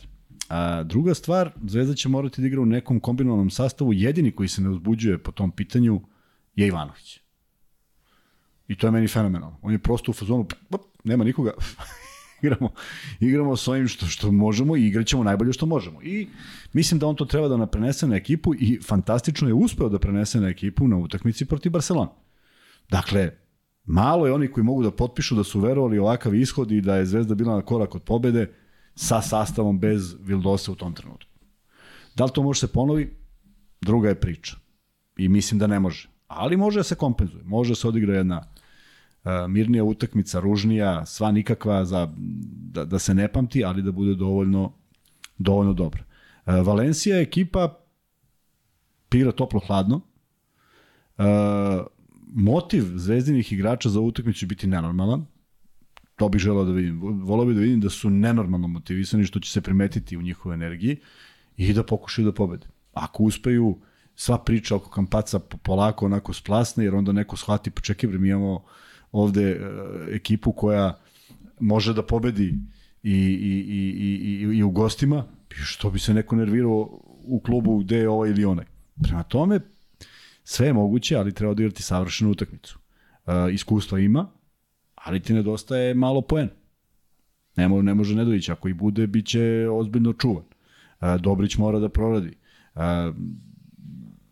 To ste da pitam s koga još. Nedović podrazumeva se da sad je ovo njegova prilika da ipak Nedović, Dobrić, Mitrović treba budu apsolutno ono ono da prevaga što se što se poena tiče, svi ostali u nekim svojim ulogama, ali odbrana mora da da cepa, da pršti, da onemoguće lake poene, da stalno obstruiraju igru koliko je to moguće, da, da šalju igrače Bars, uh, Valencija na, na penal.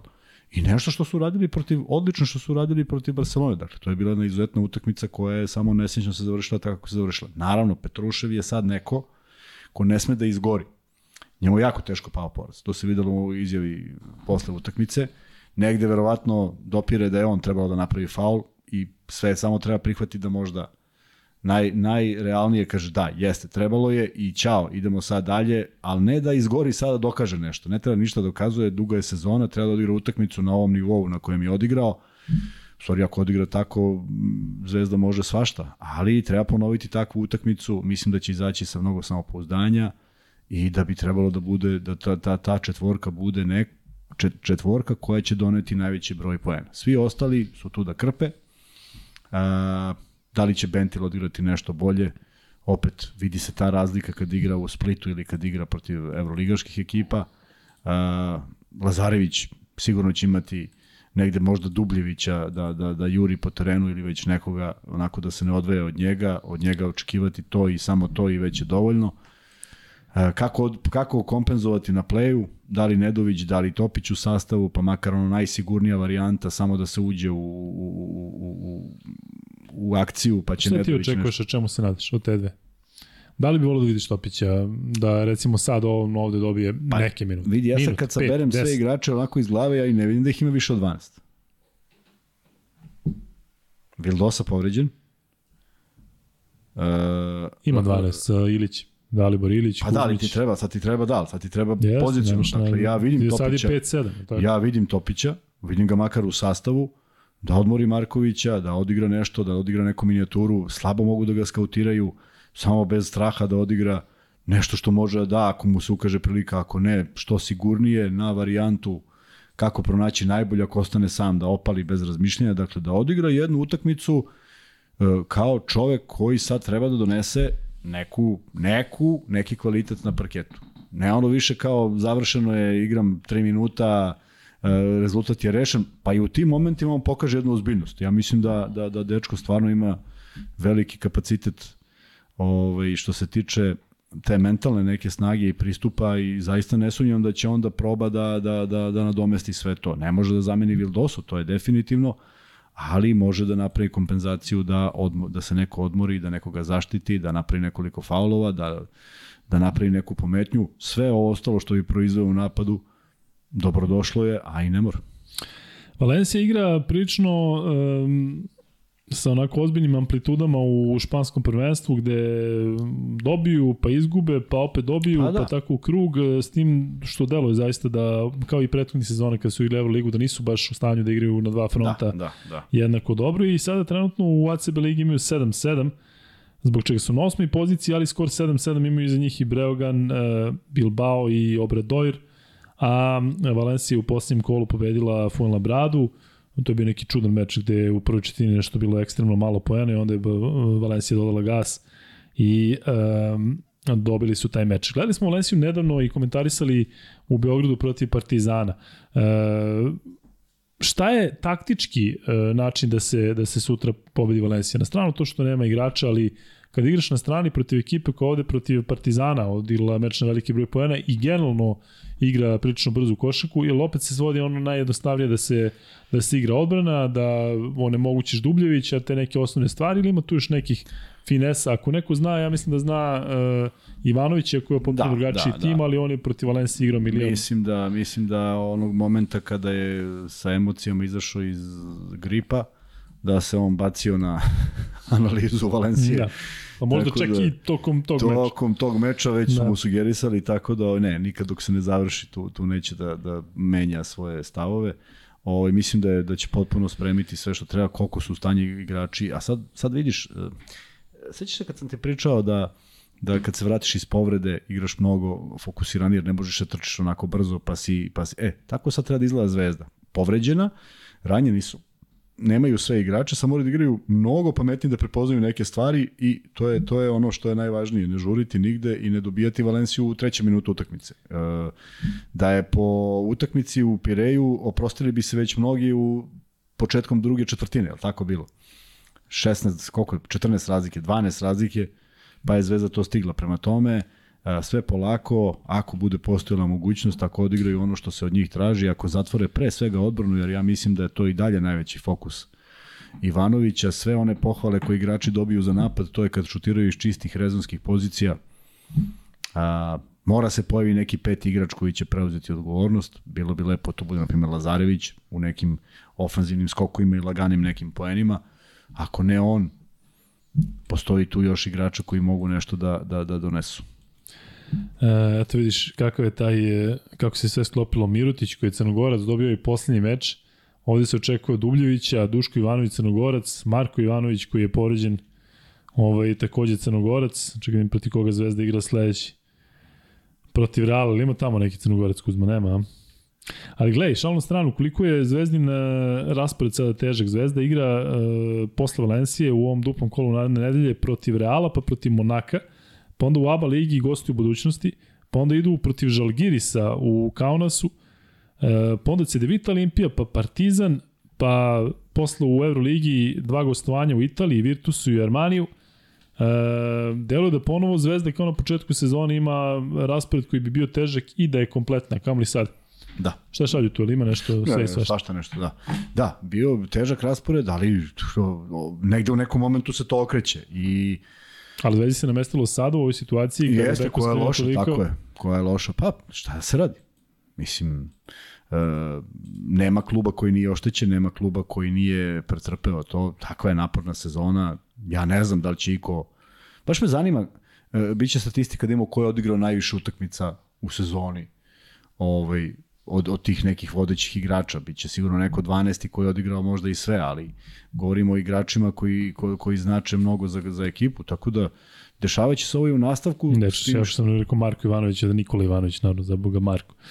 E, malo pre kad sam nabrajao Crnogorcu. Pa ja baš se razmišljao ko je Marko, ko je Marko Ivanović. Čemu li si pričao sad? E, I e, Kuzma, e, da se vratimo još malo, zato što mislim da ljudima to je interesantnije od Valencija, ali e, mnogo se ovde priča o tom, uh, nećemo mnogo da se zadržimo i nećemo naravno pričati tabloidno na bilo koji drugi način, ali koliko misliš da ima ili nema veze ovo sve sa Kampacom, sa Bodirogom i sa njegovim, zašto su ipak ljudi očekivali, aha, Bodirog je tamo, pa sad će to ipak da se ispegla i da bude lakše. Nisam te čuo. U vezi Bodiroga, Bodiroga što je na ovo pa ovo sa Da. Kampacom, što ga povezuju ili ga ne povezuju, ili treba, Ne treba. ne treba. Ne treba. Pa vidi, ja bih stvarno, kad pričamo o Euroligi, ovo sve što pričam, pričam hipotetički. Možda je sve to tako, a mi nemamo informacije. Možda sve to funkcioniš. Ali ono što želim da verujem da je ta, ta organizacija ustrojena tako da nije sad predsednik koji se pita za registraciju igrača. A da bi trebalo da postoji neko koga su delegirali neki koji su vlasnici ligi, da tu postoji neki ozbiljan uh, broj ljudi koji su kompetentni da donose takve odluke. Ja sam siguran da je tako i onda e, pada u vodu i oni koji misle da je Bodiroga trebalo da odreaguju da stanu u zaštitu, pada u vodu. da? I oni koji misle da je Bodiroga tu nešto utica da bude negativno, Da, pa, tako. Ja mislim da je, da je to da tu ne, ne bi trebalo. Ja ne bi volao da je tako. Ne bi volao. Volao bi da svojim uticajem kaže ljudi, aman, zbog toga i toga. Nešto da skrene, ali ne da preinačuje odluke ili da ulazi u sukob sa ljudima. On je tek došao tamo i mislim da nema baš mnogo prostora da on napravi neki manevar kakav god, kakav god bio. Tako da a, nije, ne, valja, ne valja to povezivati na taj način. Um, sutra se igraju još neke utakmice u okviru Euroligi, Anadolu Efes dočekuje Asvel, Olimpijakos dočekuje Armani, mislim da taj meč prenosim ja, taman pola sata pre Zvezde, pa tako da nismo ugroženi što se tiče e, početka podcasta. I još jednom da vas podsjetim da će sutrašnji podcast početi ranije nego inače petkom, zato što naši drugari, predvođeni Vanjom, koji rade 99 yardi, za razliku od nas ne rade na banje veče, Da. ali eto, mi ćemo se potruditi da bude bliže ponoći, pa da eto, počnemo naredni dan na Božić, ali u svakom slučaju uh, bit ćemo sa vama i sutra posle ovog meča Zvezde. Nadamo se da ćete vi biti sa nama u, u uh, približno bar velikom broju kao sada. Znaš Kuzma koliko ima ljudi u live? Šta misliš? 2218. Makar pola bi ih blokirao.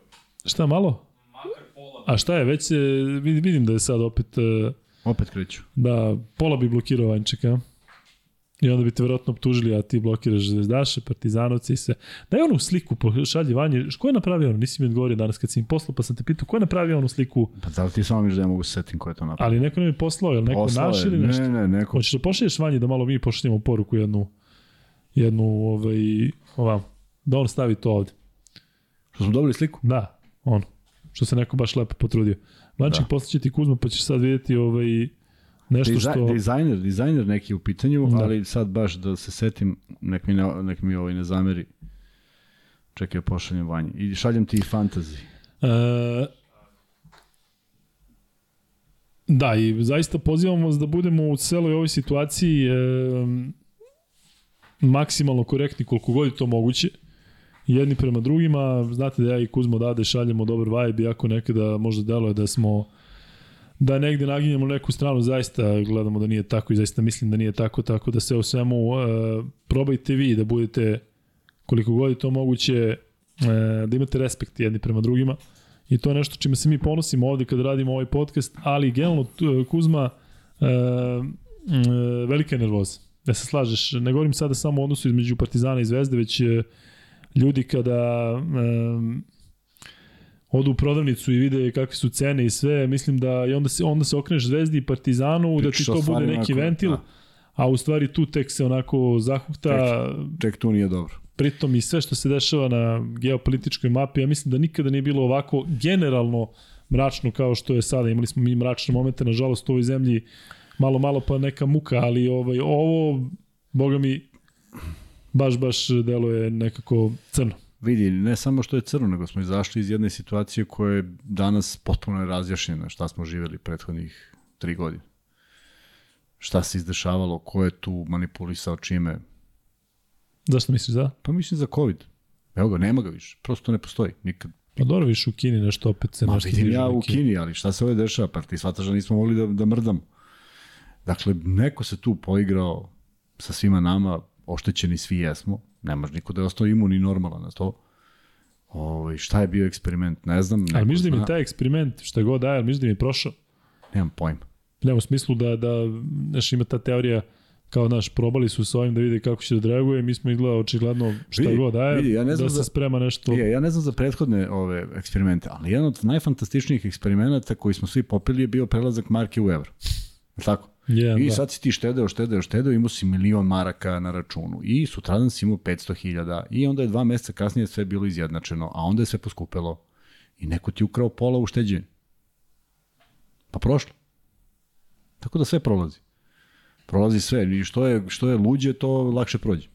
Da. Tako da, e, naravno da nismo ovaj, i da je nervoza velika i kad vidiš neki lepo, neku lepu stvar, a eto, stvarno su mi lepe stvari ti ljudi koji prate podcast i da nas sretnu i da nešto kažu i da dobace i da bude uvek nešto zabavno, pa pošalju slike odakle šalju, opet sam kačio neke danas.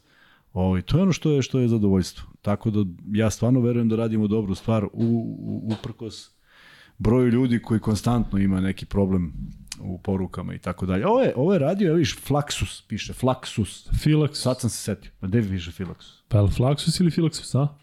Filaxus. Da. E, Filaxus Design. I kaže, bodri svoje, ne mrzi tuđe i kaže, pošto radite jednu dobru stvar da ujedinjujete ljude, ja sam napravio ovu sliku i poslao nam i baš je lepo. Stvarno je lep. I, I naš, i naš Grbić, a? Mm, Tako je, naš Grbić. Ja moram da se zahvalim uh, Sad mi je nekoga te kog krivo smo što piše zaboravili. Luka gore, da, ja bi sam Da, da, pa bi to se je više više. videlo. Gde piše Luka, vidiš da ima dva moja slova više od svojih. Lu. E, da se zahvalim momku koji je napravio ovaj grb, Filaxus. ovaj logo. Filaxus Ne, Design. logo Luka i Kuzma. Pa on je iz Filaxus. A on isto, tako, tako? se zove, Filaxus Design. A da se zahvalim... A, ne, ko je napravio logo? Da, A, Ivan Todorović. Ivan Todorović. A i pre toga nam je neko napravio logo koji više ne koristi. U, ne mogu se? setim što nam još uvijek stoji car. na... Da. To je bio car koji je e, prvi, među prvima, tek kad smo počinjali, koliko smo samo tada bili ovaj, van ovih nekih brojki, van ovog dometa, ali hvala puno svima koji su učestvovali na taj način. Znate da, da smo dobili, svašta smo dobili Kuzma, tako od Malina, Svašta, preko svašta. ovih poklona od naših drugara iz e, Joga. Tako da, e, stvarno je zadovoljstvo kada vidite da ovo što radite ima ima nekog efekta kod ljudi i kažem prelepo je. Tako da hvala vama na tome. E, mogli bi Kuzma da lagano pređemo na mm, eto, imaš nešto da komentarišeš ove meče koji su sutra, dakle e, FS Asvel, Olimpijakos Armani i Real Maccabi. Vratio Dobri se Singleton, vratio se Singleton, vratio Efes je uzdrman isto, nemaju tu formu i tu snagu. Asvel koji je odigrao neke divne partije, pa onda ništa. Tako da je tu, apsolutno, ja mislim da je sve otvoreno. Da, vi koji dobijate free betove, ako se kladite na Euroligu, svakam Da, da, čast. Da je NBA pogodi. liga, tamo tek, evo vidite šta se dešava. Tamo samo morate na Minnesota otipujete. Tako je. Eto, viš sad Šta je još bilo? Šta je bilo još? Koje, koje su još dve? Zvezda, Efes. Zvezda, Valencija. Olimpijakos Armani. U, vidiš, to je to je To je interesantna meč, da. utakmica, da. O, I svakako, sve su to interesantne utakmice sa vrlo neizvesnim ishodima, definitivno.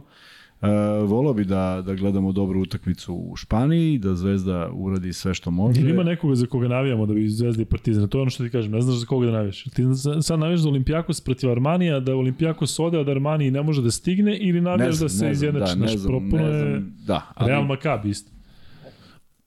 Ko je tu, šta je tu bolje za Zvezdu i za Partizan? Pa nema, tu teško je to Ovaj, sve, sve se svodi da to da će Zvezda uskoro se igrati sa Realom i ako pobedi to je jedino što valja. Ovo, da li će se, šta će se dešavati u drugim utakmicama bez pobede kod kuće ne valja ništa, tako da a, Zvezda sutra može do, do, do pozitivnog skora u polovini sezone. A ako i ne bude, to će biti taj jedan kiks i onda ima opet devet utakmica kojima može to nadoknadi. Prema tome, a, vrlo uzbudljiva, neizvesna. Ja bih volao i do kraja da bude kvalitetna, ali ovaj, i to će biti i to će biti problematično s obzirom na sve veći broj odsustva igrača i i, i, i, i, i najboljih igrača. Nekako uvek sam volao da ti sastavi budu kompletni pa gledaš najbolju košarku pa negde navijaš za ove ili za one, ali gledaš najbolji igrač, to se nažalost ne dešava u, u velikom broju slučajeva. Ajde da ispucamo drugi free bet koji će biti u vezi Zvezde. Vrlo jednostavno pitanje, ko je naredni protivnik Zvezde u ABA ligi? I ko prvi odgovori, dobija drugi free bet. E, dakle, još jednom da kažem pravilo, e, pre svega to važi za Iliju, za Vuka i za ostale koji najčešće dobiju free betove. Dakle, ako dobijete sada free bet, ne možete do kraja nedelje da dobijete još jedan. Mislim da to prošlimo na mesec dana, ali za sada će biti ovako. Dakle, jedan free bet svako može dobije nedeljno. To su realno uvek tri podcasta, nekad imamo dva, ali to je uglavnom dakle devet free betova, tako da moramo da imamo devet različitih e, e, dobitnika. E, Vanček, možda ugasiš i ovaj e, pol, evo ga, Ilija Živodinović, ko drugi. Je li tako, Vanček? MZT, Ilija Živodinović. Šta je bilo pitanje? E, koji je naredni protivnik Zvezda u ABA ligi? Tako je, tako da Ilija, ti si ispucao svoju kvotu za ovu nedelju. E, I imat ćemo posle treći free bet u vezi NBA ligi. Vanček, hoće malo o NBA ligi? Si spreman? Može. E, taman dok se ti pripremiš sa mikrofonom i sa svim, ja ću da pitam Kuzmu. Ajde. Kuzma koji ovde odgovara, ko zna šta, ovaj, šta se sve tu dešava. Se gori Instagram, a? Gori. Gori, a? Jel prete, jel, jel psuju? Prete. Prete. Će moći živi da izađemo odatle. Kad bi smeli da dođu, već. Šta? Kad bi smeli da dođu, već. E, Kuzma, dešava se svašta u NBA ligi u smislu da je e, u poslednje vreme onako prilično prisutan taj e, neki povećan broj rekorda da pojedini igrači daju, evo dajem Naravno. primjer, Dončić 60, Janis je došao do svog rekorda 55 pojena. Donovan Mitchell je postigao 71 poena do duše u produžetku. Kakve to, šta je, zbog čega je to? Da li je to zbog toga što su danas igrači stvarno mnogo brži, zato što se igra brže, zato što se igraju slabije odbrane, da li su oni zaista fizički dominantni ili je kombinacija svega toga? Zato što u vreme NBA ligi pre 30 godina nije moglo da se zamisli da neko da 71 poen Jordan, koji je bio toliko dominantan, pa kaže 71 poen, Janis 55, 59 dao Embiid, 60 dao Dončić, sve to u kratkom vremenskom periodu, tako Vanja, samo malo, malo pa imamo pre 50 Da, plus poen. da, jeste, jeste. Kuz, šta kažeš ti? Jel ispratiš uopšte to kad ti dođe do tebe to? Nažalost, da. Jel? Ovaj, Javljaju na Instagramu naš. Da, vidi kad vidimo ono utakmicu, neko je sad skoro dao s- 80 pojena u polovremenu, koliko 70 O, davali su i više. i više. Ma dobro, kako To već 90? Da, već me da je Brooklyn je dao 93. 90. Pa to već nema nikakav smisla. Ali ovo, je, ovo, ovo sa rekordima prosto mora da postoji. E, svi su željni rekorda, jednostavno čelnici i ljudi koji žive od marketinga NBA lige ne žele da prodaju birdove i magicove dresove dan danas. Oni ih prodaju nekome, ali žele da prodaju te neke nove heroje koji će donositi novu zaradu. Tako da svaki taj rekord dobrodošao. A, pravila su pojednostavljena baš da bi bilo tih rekorda. A, Jordanova filozofija, filozofija košarkaška je jedinstvena. E, nadmetanje njega protiv svih sa tim šutem duga dvojka ili prodoru reket preko svih je jedinstven. E, ti voliš Kobija Bryanta i njegov nastup, on je različit u tome što je mnogo više trojki šutirao od Jordana. U mnogim elementima je bio vrlo sličan, ali ovo je zaista jedinstven Jeste. i, i, i, i njegov način je bio, šta, nije mogao da izvežba da, da šutira u 40% za 3. Pa mogo je. Prosto nije ga zanimalo. Nije ga zanimala takav, ta, što ne znači da ne može neko drugi. Imali smo fantastične strelce koji su pravili karijere od toga. Ali ovo sad je postalo, meni je, meni je drug Neša Andrić, trener, poslao jedan klip. Znam da igra Harden, sad ne mogu se zakunem ko igra protiv njih, ali samo ti fali onaj Benny Hill muzika, ovi trče, promaše, ovi trče, promaše, ovi trče, baca, ovog pogodi u nogu, ovog pogodi u glavu. Ovo mi ispadne, ovaj, znači to traje nekih dva minuta i nešto, ničega. I nekad si izbegavao te, te utakmice kad igri ono 29, 20, koliko je bilo? 27 timova je tad bilo. 26 i 27 pa kao ne možeš da gledaš. Sad opasno, opasno se zamisliš kad gledaš neku utakmicu koliko je to nešto što, što ti prija da gledaš. Naravno, mlađe generacije to znaju kao takvo i njima je to izuzetno zabavno i ja nemam ništa protiv i da nekog ubeđujem da ne treba da gleda. Ali svi ti rekordi su za nove, za nove gledalce. Svi ti rekordi se... Danas sam imao jedan intervju lep i, i nešto pričali o Zvezdi i ja kažem, znaš da je, da je naj, igrač sa najvišim brojem utakmica u kupu šampiona Borjan u Zvezdi. Ko? Borjan. Dobro. Sad zamisli Pižon, Dule Savić i legende, pa nisu mogli da dostignu, jer oni su u 8 godina odigrali koliko Borjan u, u dve sezone. I to je rekord. I to stoji kao rekord. I ti ne možeš protiv tog rekorda ništa. To što će Sloba Nikolić jednog dana vratno da premaši broj poena, neko će premašiti njegov broj poena, a on igrao 14 sezona, ali igrao po 22, pa plus ono utakmice kup, znači nije više od 30 utakmica odigrao kada se sve sabere, pa onda je u nekom momentu tek bio uvleden playoff koji nije postao i tako dalje i tako dalje. To su neki rekordi koji uh, moraju da budu srušeni zato što život ide dalje u smislu novih heroja, novih idola, novih majica, a tamo je ipak sve zarada. Mislim, tamo će izmisliti rekord, ako ne postoji, naći će neki koji niko nikad nije. Da, ali vidiš, njima to odgovara. Euroliga, koliko razumem, e, je popularnije i zarađuje više nego ikada na globalnom nivou. Očigledno da se ljudima koji... Euroliga. Misliš NBA? NBA liga, da, da. Ovaj, Sam se šokirao, rekao, otkud ti podatak. NBA liga generalno funkcioniše jako dobro, zarađuje Pa jest. puno, dakle zašto bi oni nešto menjali sada, pošto očigledno da ljudima koji možda nisu usko iz košake odgovara da gledaju takav takve mečeve, tako što neko e, ali cirkus, naravno, i, o- i da je to prati, zabava. pa da, pa ona i frizuru ima, pa ona ima Jeste. neke patike narančaste, pa ona iskočio, pa ona i preskočio. Je ipak show sada, Pa, gde nije je. samo usko Tako. košarka kako se igra A, a, odbrana. danas jedan, jedan paradoks koji se desio, neko mi je poslao ovaj, izvođenje iz auta. Izveli su mu loptu i kreće vreme, ali ne kreće sad. Da, da, to se dešava stalno. Morant sad. kada da, da, da. genijalno. I ovaj drži Jeste. loptu. I Morant, proteklo Schroeder, 20 da. sekundi ničega. Znači, Da. nikom ne može ništa da kažeš, nije nikakva Povreda pravila, povreda pravila. ništa. Potpuno sum. Samo što ovi odbrambeni je trebalo da se zaleti. Pa da da, to spreče. samo, pa to, ali to samo tamo postoji. A nigde ne postoji. Ne možeš krene vreme jedno, a drugo da ne krene. Ne može. Ne možeš prosto, taman ti nisi uzao loptu još sto puta. Ali nije ni važno. Vanček, ajde, I onda to bude red. zanimljivo. Taj snimak vidi 16 milijardi ljudi. Da. I svi se vesele. E, Podsjećam me ovde da je Luka Dončić bio u produžetku. Igraju kolo i pevaju četničke pesme. A između ostalog, ovaj, strašna vest je da je povređeno Evans, da je pokidao Ahilovu tetivu. Da, prenosio sam to, pa odmah si vidio, znaš, znaš kako, Da. odmah se okrenuo iza sebe da vidi koga je, koga je šut, Koga je šut. i odmah Da, znaš šta se dešava. Da, da. Znaš, pogledao, a pritom je bio, sam je bio, nije bilo Da, da, nikoga da. oko njega, ni iza njega, čuje okreće i gleda šta je. kao put, da, put. i sad se uvijek te prvo fizio pita e, kada nešto jesi čuo da je puklo, da se čuo da je, da, da, da je nešto, da, Da je se kao- zahvalimo Đorđu Miriću, koji nas puno pozdravlja i šalje novac preko Paypala. Hvala puno, Đorđe. Um, Vanček, evo, pitaju te prvo ovde za Lakers. Komentar za Šta, Lakers. pa, dobro, vezali su sad koliko, tri pobede. LeBron Da, da, pazi, igrao dres- protiv Majamija. Ko šta? A Lebron je igrao protiv Lebron. Nije, nije, Da, šta, da. šta si rekao pre? E, igraju bez Davisa, igraju bez Jamesa. Tako je. Pi... Šuder preuzeo. Koliko misliš da je 32. Šuder tu bitan faktor što se dešavaju Pa mislim da je više Darin Ham bitan faktor i pozitivan. Kako ih trenera, kako utiče njih i kako je recimo Natar Westbrooka prihvatio ulogu sa klupe koji zaista igra vrlo dobro s klupe i vjerojatno će osvojiti ovo. Ko ako nastave nagradu za najboljih šestog igrača, Lebron ova dva meča od rođendana pa i naravno iskido, mislim to je nešto što on radi stvarno neverovatno.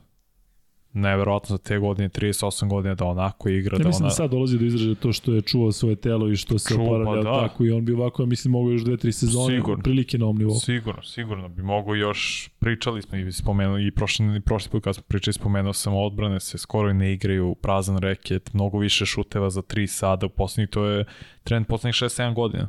Znači, Kad su Golden State Warriors osvojili prvu titulu 2015. drugu, bili u finalu oborili rekord, rekord Bullsa od po broju pobjeda u regularnoj sezoni, tad se igrala ova, ova košarka.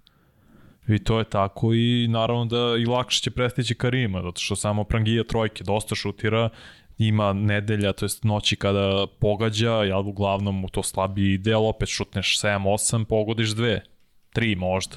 Na prv, šutneš 12, pogodiš 4. To je 12 poena. Da, da. Tako I- da igraju ok, ali daleko su, baš su u minusu što se tiče mečeva i to treba se nam doknadi. A bez Davisa koji nije, koji se pitanje kada će se vratiti, možda početkom februara, ne zna se kakva je vrsta povrede u pitanju. Lebron ono malo, malo pa će propustiti meč, jer ne može da igra ovim tempom, da igra 37-8 minuta, mora da iskulira ono, na svaki 5-6 mečeva ako tako igra i pitanje je kako će da nastave Lakers, kako će da nam doknade ovaj minus. A reci mi šta misliš da je donus, da je domet Lakersa play-in, ili jeste? Mora bude play za početak, jer nisi ni u tome trenutno. Od sedmog do osmog mesta da bude ono što je cilj da budete zdravi ako mislite u play-off da buđete. Ako uđu u play-off, play samo da budu zdravi, pa tu već mogu pravi problem drugim. Da ostanemo još malo na zapadu, Luka Dončić, ovo što se dešava, do duše i raspored Dalasa je bio malo povoljniji, ali e, gde ti je Luka sada posle svih ovih dešavanja poslednjih nekoliko utakmica? top 3 MVP kandidat. Jokić pa on. Pa, Pa Treći. Janis. Janis. znači tim redosledom, da, tako? da, da. E, Ne mogu za, ne, za nema ništa radi Janis, ali o, Luka i Jokić su priča za sebe.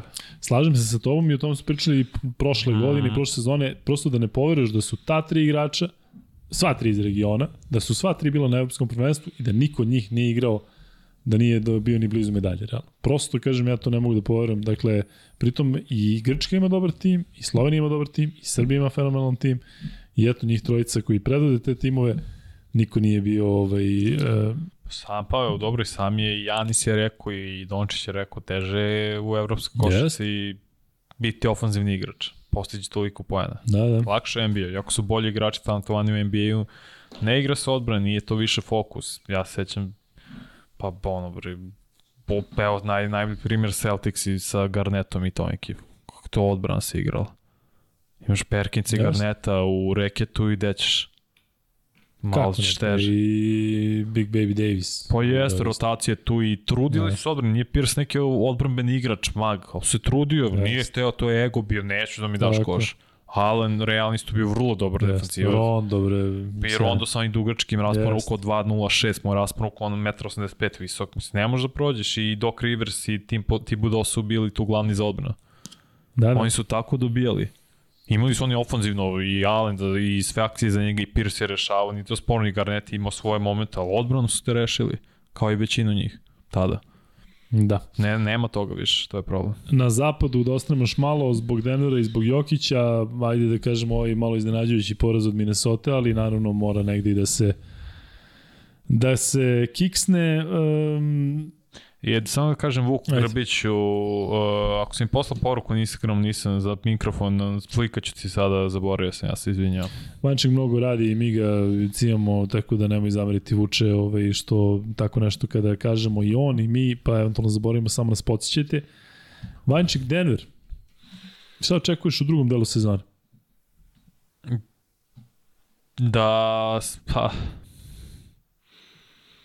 Da vidimo koliko će zdravlje da im posluša isto. Slično kao sa Lakers. I Kad kažeš njih, vjerojatno misliš samo na, na Jokić. Ne, Mislim da su svi mi, ne, nadoknadili. mislim, ne, ne, mislim na Mare i na Portera. Jokić ne propušta mečeve na kusenom drvu. On odigrao od 80 utakmice 75 minimum. I uvek da. je zdrav za playoff. Ne, ovi ostali moraju budu zdravi jer funkcioniše to. Kad su svi zdravi, oni su opasni, mogu da osvoje titul. Pogotovo u zapadu, evo, Zion Williamson propustit će tri nelje. Pitanje da li će ikad Zion da igra 75 mečeva. Mm, Da. Realno će odigrati oko 60 po sezoni. To je problem. Orient isto pa prethodne godine imao probleme sa kolenima. Zašto? Zato što toliko eksplozivno, toliko skoči pa se konstantno vraća, doskoči na parket i to je, ne, ne može da izdrži to kolena niti ligamenti toliko. Iako on nije nešto težak, nema mnogo masu, za razliku od Zajana, ali opet to im previše pro, pome, promene brzine, pravca, agilnost, konstantno ubrzavanje, usporavanje, to njima šteti. Tako da zdravlje će biti ključno na zapadu generalno. Mislim, zato gledam i Clippers kao favoriti senki. Oni se tempiraju kao veteranska ekipa za jeste, kraj. Jeste, pa Kavaj prvi, ono što si pričao i prošli put. Clippersi igraju protiv Denvera u 4 ujutru, to će biti interesantno. Vanček, samo kratko, šta očekuješ od tog meča? Očekujem, Da li će igrati Kavaj, da li je... ne znam, mora bi da vidim. To, Da. Ne, to se bukvalno zna dan do dana. Jeste, jeste nam. Biće zanimljivo kako će ako bude igrao Kavaj zauz, igra, zaustaviti, to jest koji je defanzivni ide, ideja Denvera zaustavi Paul George i Kavaja. To je mnogo nezgodno za bilo koju ekipu, da imaš toliko dvojicu krilni, krilnih igrača koji su i dominantni s loptom. Dobro, ali Denver mi deluje da je sada više u stanju nego prošlih sezona da odigra tako, zato što imaš e, KCP-a koji je ipak dobar mm. -hmm. defanzivac. Pa Imaš jesu, Gordona Brown koji je isto, da, da. sposoban da, da, da Brown takođe, tako da... Vidjet e, ćemo kako će to biti šema, kako da. će da se prilagode njima dvojici. E, počne meč između Orlanda i Memphisa, meni je omiljena ekipa Orlando. E, jedna od omiljenih. Dallas igra protiv Bostona, to je derbi, nešto malo poena za završnicu prve četvrtine. Vanček, da pređemo na... E, Evo, pišu da Paul George ne igra, to je to. Eto ti. E, da pređemo na istok, e, pričat ćemo malo o Njurku i malo o Brooklynu. Brooklyn doživio sad taj poraz, ali su ušli zaista u fantastičan ritam. Brooklyn najopasnija ekipa, to kako ova dvojica igraju, to je tu i Simon se pronalazi. Svi su se ovaj, Šta, šta? na to kucanje Irvinga, ono posle... Da, putback nismo što to videli, nismo to videli. Ne, dugo. sam vidio, ne pamti kad se to vidio, iskreno. Da. I Watanabe koji je meni uvijek najinteresantnije njegove reakcije, pritom je to bilo posle njegovog šuta. Da, Watanabe ovo. mislim da su najiskrenije raduje. I ono kad je sećaš Durant kad je ovog Gefforda, ja mislim, kada je oborio, kada je ovaj legao, kada se okliznuo, ovaj Watanabe skače do plafona. Simpatičan mladić. A. Vanček, ti mi reci još, uh, New York igra zaista dobro. Iako evo ovde sada ide ta priča, nisu doveli Mitchella, mogli su, ali ovaj, oni zaista, eto, sa ekipom koja je manje više ista kao prošle sezone, to je otprilike Doveli isti ovog sistem. Playa Dallasa, kako se zove sad mislim. Bronsona. Hm? Uh, Jalen Brunson. Bransona, da, Da. da, on Jeste, jeste, on je tečko igra bitan, dobro, bitan mislim da je potreban ti je za playoff neka super zvezda. Jeste, Taj mislim da ima domet eventualno prvi, da. Da, da osvoje možda prvu rundu nekoga pobjede, Jeste. ali kad vidiš isto, kad vidiš prve četiri ekipe koji su im glavni igrači, baš ovo počneš od Netsa, taj Durant, Irving, Poston, Brown, Tatum, Embiid, Harden, Janis mu ubaciš tu Middletona, ok, onda imaš i Cleveland koji ima i Garlanda i Mitchella koji sad postigu 71 poen, mislim, mnogo je to ofanzivnih eksplozija i oružja na sve strane za jednu Nikse koji to nemaju. Mogu timski Jeste. možda da nadoknade pobede nekog, ali ne znam da mogu seriju tu da im uzmu. A je li ti interesantni istok ili zapad? Zapad, zato što ne znam šta da očekujem na zapadu. A Ne kažem da je bolji nužno, mislim da je istok kvalitetniji sada, ali zapad zato što ne znam šta da očekujem. Sveći koliko je bilo pre 5-6 godina, kolika je bila razlika. Poslednjih 20 zapad. godina je bilo Da, razlika. neprijatno, neprijatno za praćenje. se, Lakersi 2009 su dobili kroz čitav play-off i 2008. četiri, sva- znači sve četiri runde timovi su njihovi protivnici imali 50 plus pobjeda. To je suludo. Znači Da, da. osmi seed na da, zapadu je imao 50 pobjeda, to su bili mislim Utah Jazzy. I ta, to je ne, nešto neverovatno. 2001 isto bilo. Tako da je, zapad je poslednjih 20 godina bio ubedljivo bolja konferencija. Mnogo više talenta je bilo tamo i sad je istog bolji, sad mislim, realno. To je, tako je, malo je bolji istok. Kuzma, ovde pitaju šta smo rekli za Vildosu, do kraja...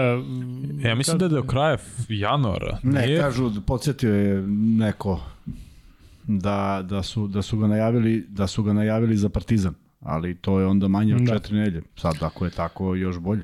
Da. To je E, rekao, rekao, rekao, ne znam ko je rekao. Vanja, ono oko Minnesota u nedelju na Soldier Fieldu, jel njima pobeda radi nešto oko mesta u play-offu? Da, da. Pa mogu da budu drugi, Pita zbog čini se. Da, mislim da će pobediti, ja to mogu da potvrdim. Da, e, ništa, momci, da završamo i ovaj NBA segment, a e, hoćemo free bet, Kuzmi Ljadić, čitaj ti, hoćeš free bet NBA ili fantasy da čitaš? Da, ispu, da ispucamo Moramo free bet. početi o fantasy. Ali hoćeš onda free bet NBA posle ili, ili Posle. kad? Ajde. Vanček, daj fantasy da Kuzma čita. Da Pa da imamo šta treći kaže, free ovo je ABA, ABA Liga Fantasy. Kaže, Drdlovani 2291. Ovo je već se ponavlja, da, ovo, ovo je već neka malo duža ovaj, a, tabela. Nema tu nešto mnogo a, a, odstupanja. Drdlovani prvi, koke nosilja, Iron Wolf, Babusaurusi, Imparmature, Polimka, Šampioni, Gedžo, Mufloni i Vozli. Zakleo bih se da je tako bilo i prošle nedelje. S tim što u ovoj nedelji graničar sa dve, kako graničar sa 202 boda je prvi u 13. kolu, Kobe Bryant drugi, jedan bod iznad KK Komrena. Hard defense je na četvrtom mestu, vidi po jedan poen razlike, čak su Polinka i Gedžo sa istim brojem bodova. KK Rudar iz Pljevalja 192, KK Stočar 189, Iron Wolf 187 i Crazy North 181. A, Graničar se tu pojavio, vidjet ćemo kako će da izguraju do kraja sezone. Što se NBA lige tiče, 29. kolo, Bubanj Niš 6968, Rock'n'Roll 6811. Da imamo da Bubanj Niš na... Jeste, šesti na ovo nedeljno na, u ovom kolu. Rock'n'Roll izostao je, ne, na desetom mestu s 281 poenom, Pčelice su tu u treć, na trećem mestu, ali bez plasmana u posljednjem kolu, Kilijan četvrti, a i treći u ovom kolu, kolu sa odličnih 316 poena. Bugari su na petom mestu s 6609 bez Bugara u ovom kolu, KK Podina na šestom mestu i na devetom ovog kola. Žigo Bugule, nisam ih dugo video, oni skupljaju poena, ali nikako nisu među 10, tako mi nešto deluje. Tu su malo, malo po Mondo Gecko tako da. 6319, Feed, Fear the Beard 6266 i Ražan Warrior 6234. Upravo Fear the Beard na koji su na devetom mestu su napravili najveći skok sa 344 boda. Crveni Delija je još tu Ozgilat, ne piše Ozgilat, zabranjeni NS koga Jeste. još nisam prozvao Playboy i to je to za ovu nedelju i za ovo izdanje. Da, eto, ja sam skinuo slušalice zato što već bola uši. Ovaj, e, lagano ćemo da završamo. E, Treći, e, Mogu ja? ajde, molim te. Free bet e, NBA ide iz Vančekove stolice. Da čujem. Ko, ko su bili protivnici Lakersa u play-offu 2009. godine, kad smo već spomenuli? Govorimo od prvog do poslednjeg. Prvo, Prvo kolo, prve zapad, veliko runde do finala. Da. Dobro, znači govorimo ukupno četiri rivala. Mhm. Dobro, dakle čuli ste taj poslednji free bet, uh, Ilija ne može da dobije i uh, Lazex ne može da dobije, dakle to je to što se tiče danasa, Lazex i Ilija moraju da pauziraju i za sledeći podcast, a taj podcast je za manje od 24 sata, dakle još jednom da vas podsjetimo da sutra Um, počinjemo pre ponoći, što je nekarakteristično za betak, ali oslobodilo se s obzirom na to da 99 yardi ne rade. Tako da Zvezda igra od pola 9. Ludaci, ne radi. Samo mi Nisu- pametni nisu radimo za banje večer. kao mi. E, ja prenosim Olimpijakos od 8, Kuzma je naravno sa studijom e, Kad i igra pre i posle? Zvezda u pola 9. Pola devet, Da, znači, znači negde da- od sedam i 15. Tako je, i pritom minimum do 11. Tako. Ivan Nićin je odgovorio. Ivanić, Utah, znamo i da Ivan dobije često. Tako je. Utah, E, Houston, Denver, Orlando. Ajde još jednom, kojim redom? Utah, Houston, Denver, Orlando. Mm, da, to je Orlando ono 4-2, tako u finalu. 4-1. 4-1. Da, da. E, Houston, tad Artest da, kad igrao, se Batije isto. kada su se e, Pietrus i Gasol nešto kačili. Sećam se da je bilo toga. Um, Elem, da ne bude da je prošao podcast bez Elem. Dakle, Kuzma, sutra smo zajedno malo pre ponoći, javit ćemo da li 23.15 Da. ili 23.30, ali realno jedna od te dve opcije. I pričamo, naravno, nadamo se o pobedi Zvezde protiv Valencije, tako da kompletiramo ovaj, e, ovu nedelju, ovo kolo sa pobedom i Partizana i Zvezde i naravno onda imamo vikend, najavit malo i ABA ligu i onda u ponedljak najavljamo duplo kolo Evrolige, E, tako da će biti jako, jako interesantno u, evo, Ali odmah da periodu. kažemo da ne radimo utorak, zato što nemamo termin Da, da, utorak. nećemo, radit ćemo opet Da, ponedljak, da, četvrtak, petak. da. Tako, Da ne očekuju ljudi. tako da, utorkom ne znam da smo ikad radili utorak. Pa nismo, ali stalno ljudi kad Da, navikli pitaju, smo ih, da. pa pitaju da li ima Da, večeras, mislim da li ima smo večeras, sinhronizovani da, sa Da, utakmicama Euroligi, ali nažalost nismo. tako da, eto, Kuzma, to je to, ali imaš još nešto da dođeš za kraj? Nemam, nemam, zahvalno Velika svima. gledanost velika zbog pobjede gledanost. Partizana, zbog Tako. Kampaca. Tako je. Ne, ne znam šta smo ovaj zaključili, žao mi je što se to dešava, žao mi je što jedan takav igrač Naravno. ne igra, žao mi je što, što se to uopšte dešava, zato što sam stvarno mislio da i Zvezda i Partizan ove godine idu korak napred ka nekoj saradnji sa Euroligom. Desilo se to što se desilo. Sigurno ima odgovor i za tako nešto. Sve to treba u krajnjem slučaju završiti na najbolji mogući način, pa da se nadamo da, će, da ćemo ga gledati u jednoj ovakvoj ligi. Ja bih voleo. A što se tiče uh, našeg podcasta, uh, zaista i u ovoj novoj godini krećemo sa fenomenalnim stvarima i ovaj, hvala svima za, za Uroša do sada ovo što je uplećeno i hvala svima što su pokupovali ove predmet, predmete koje smo reklamirali, ima ih još, ako neko bude želeo neka se javi i eto, to je to. Da, ništa ljudi, to je to za 116. podcast 117 jako brzo, vidimo se sutra.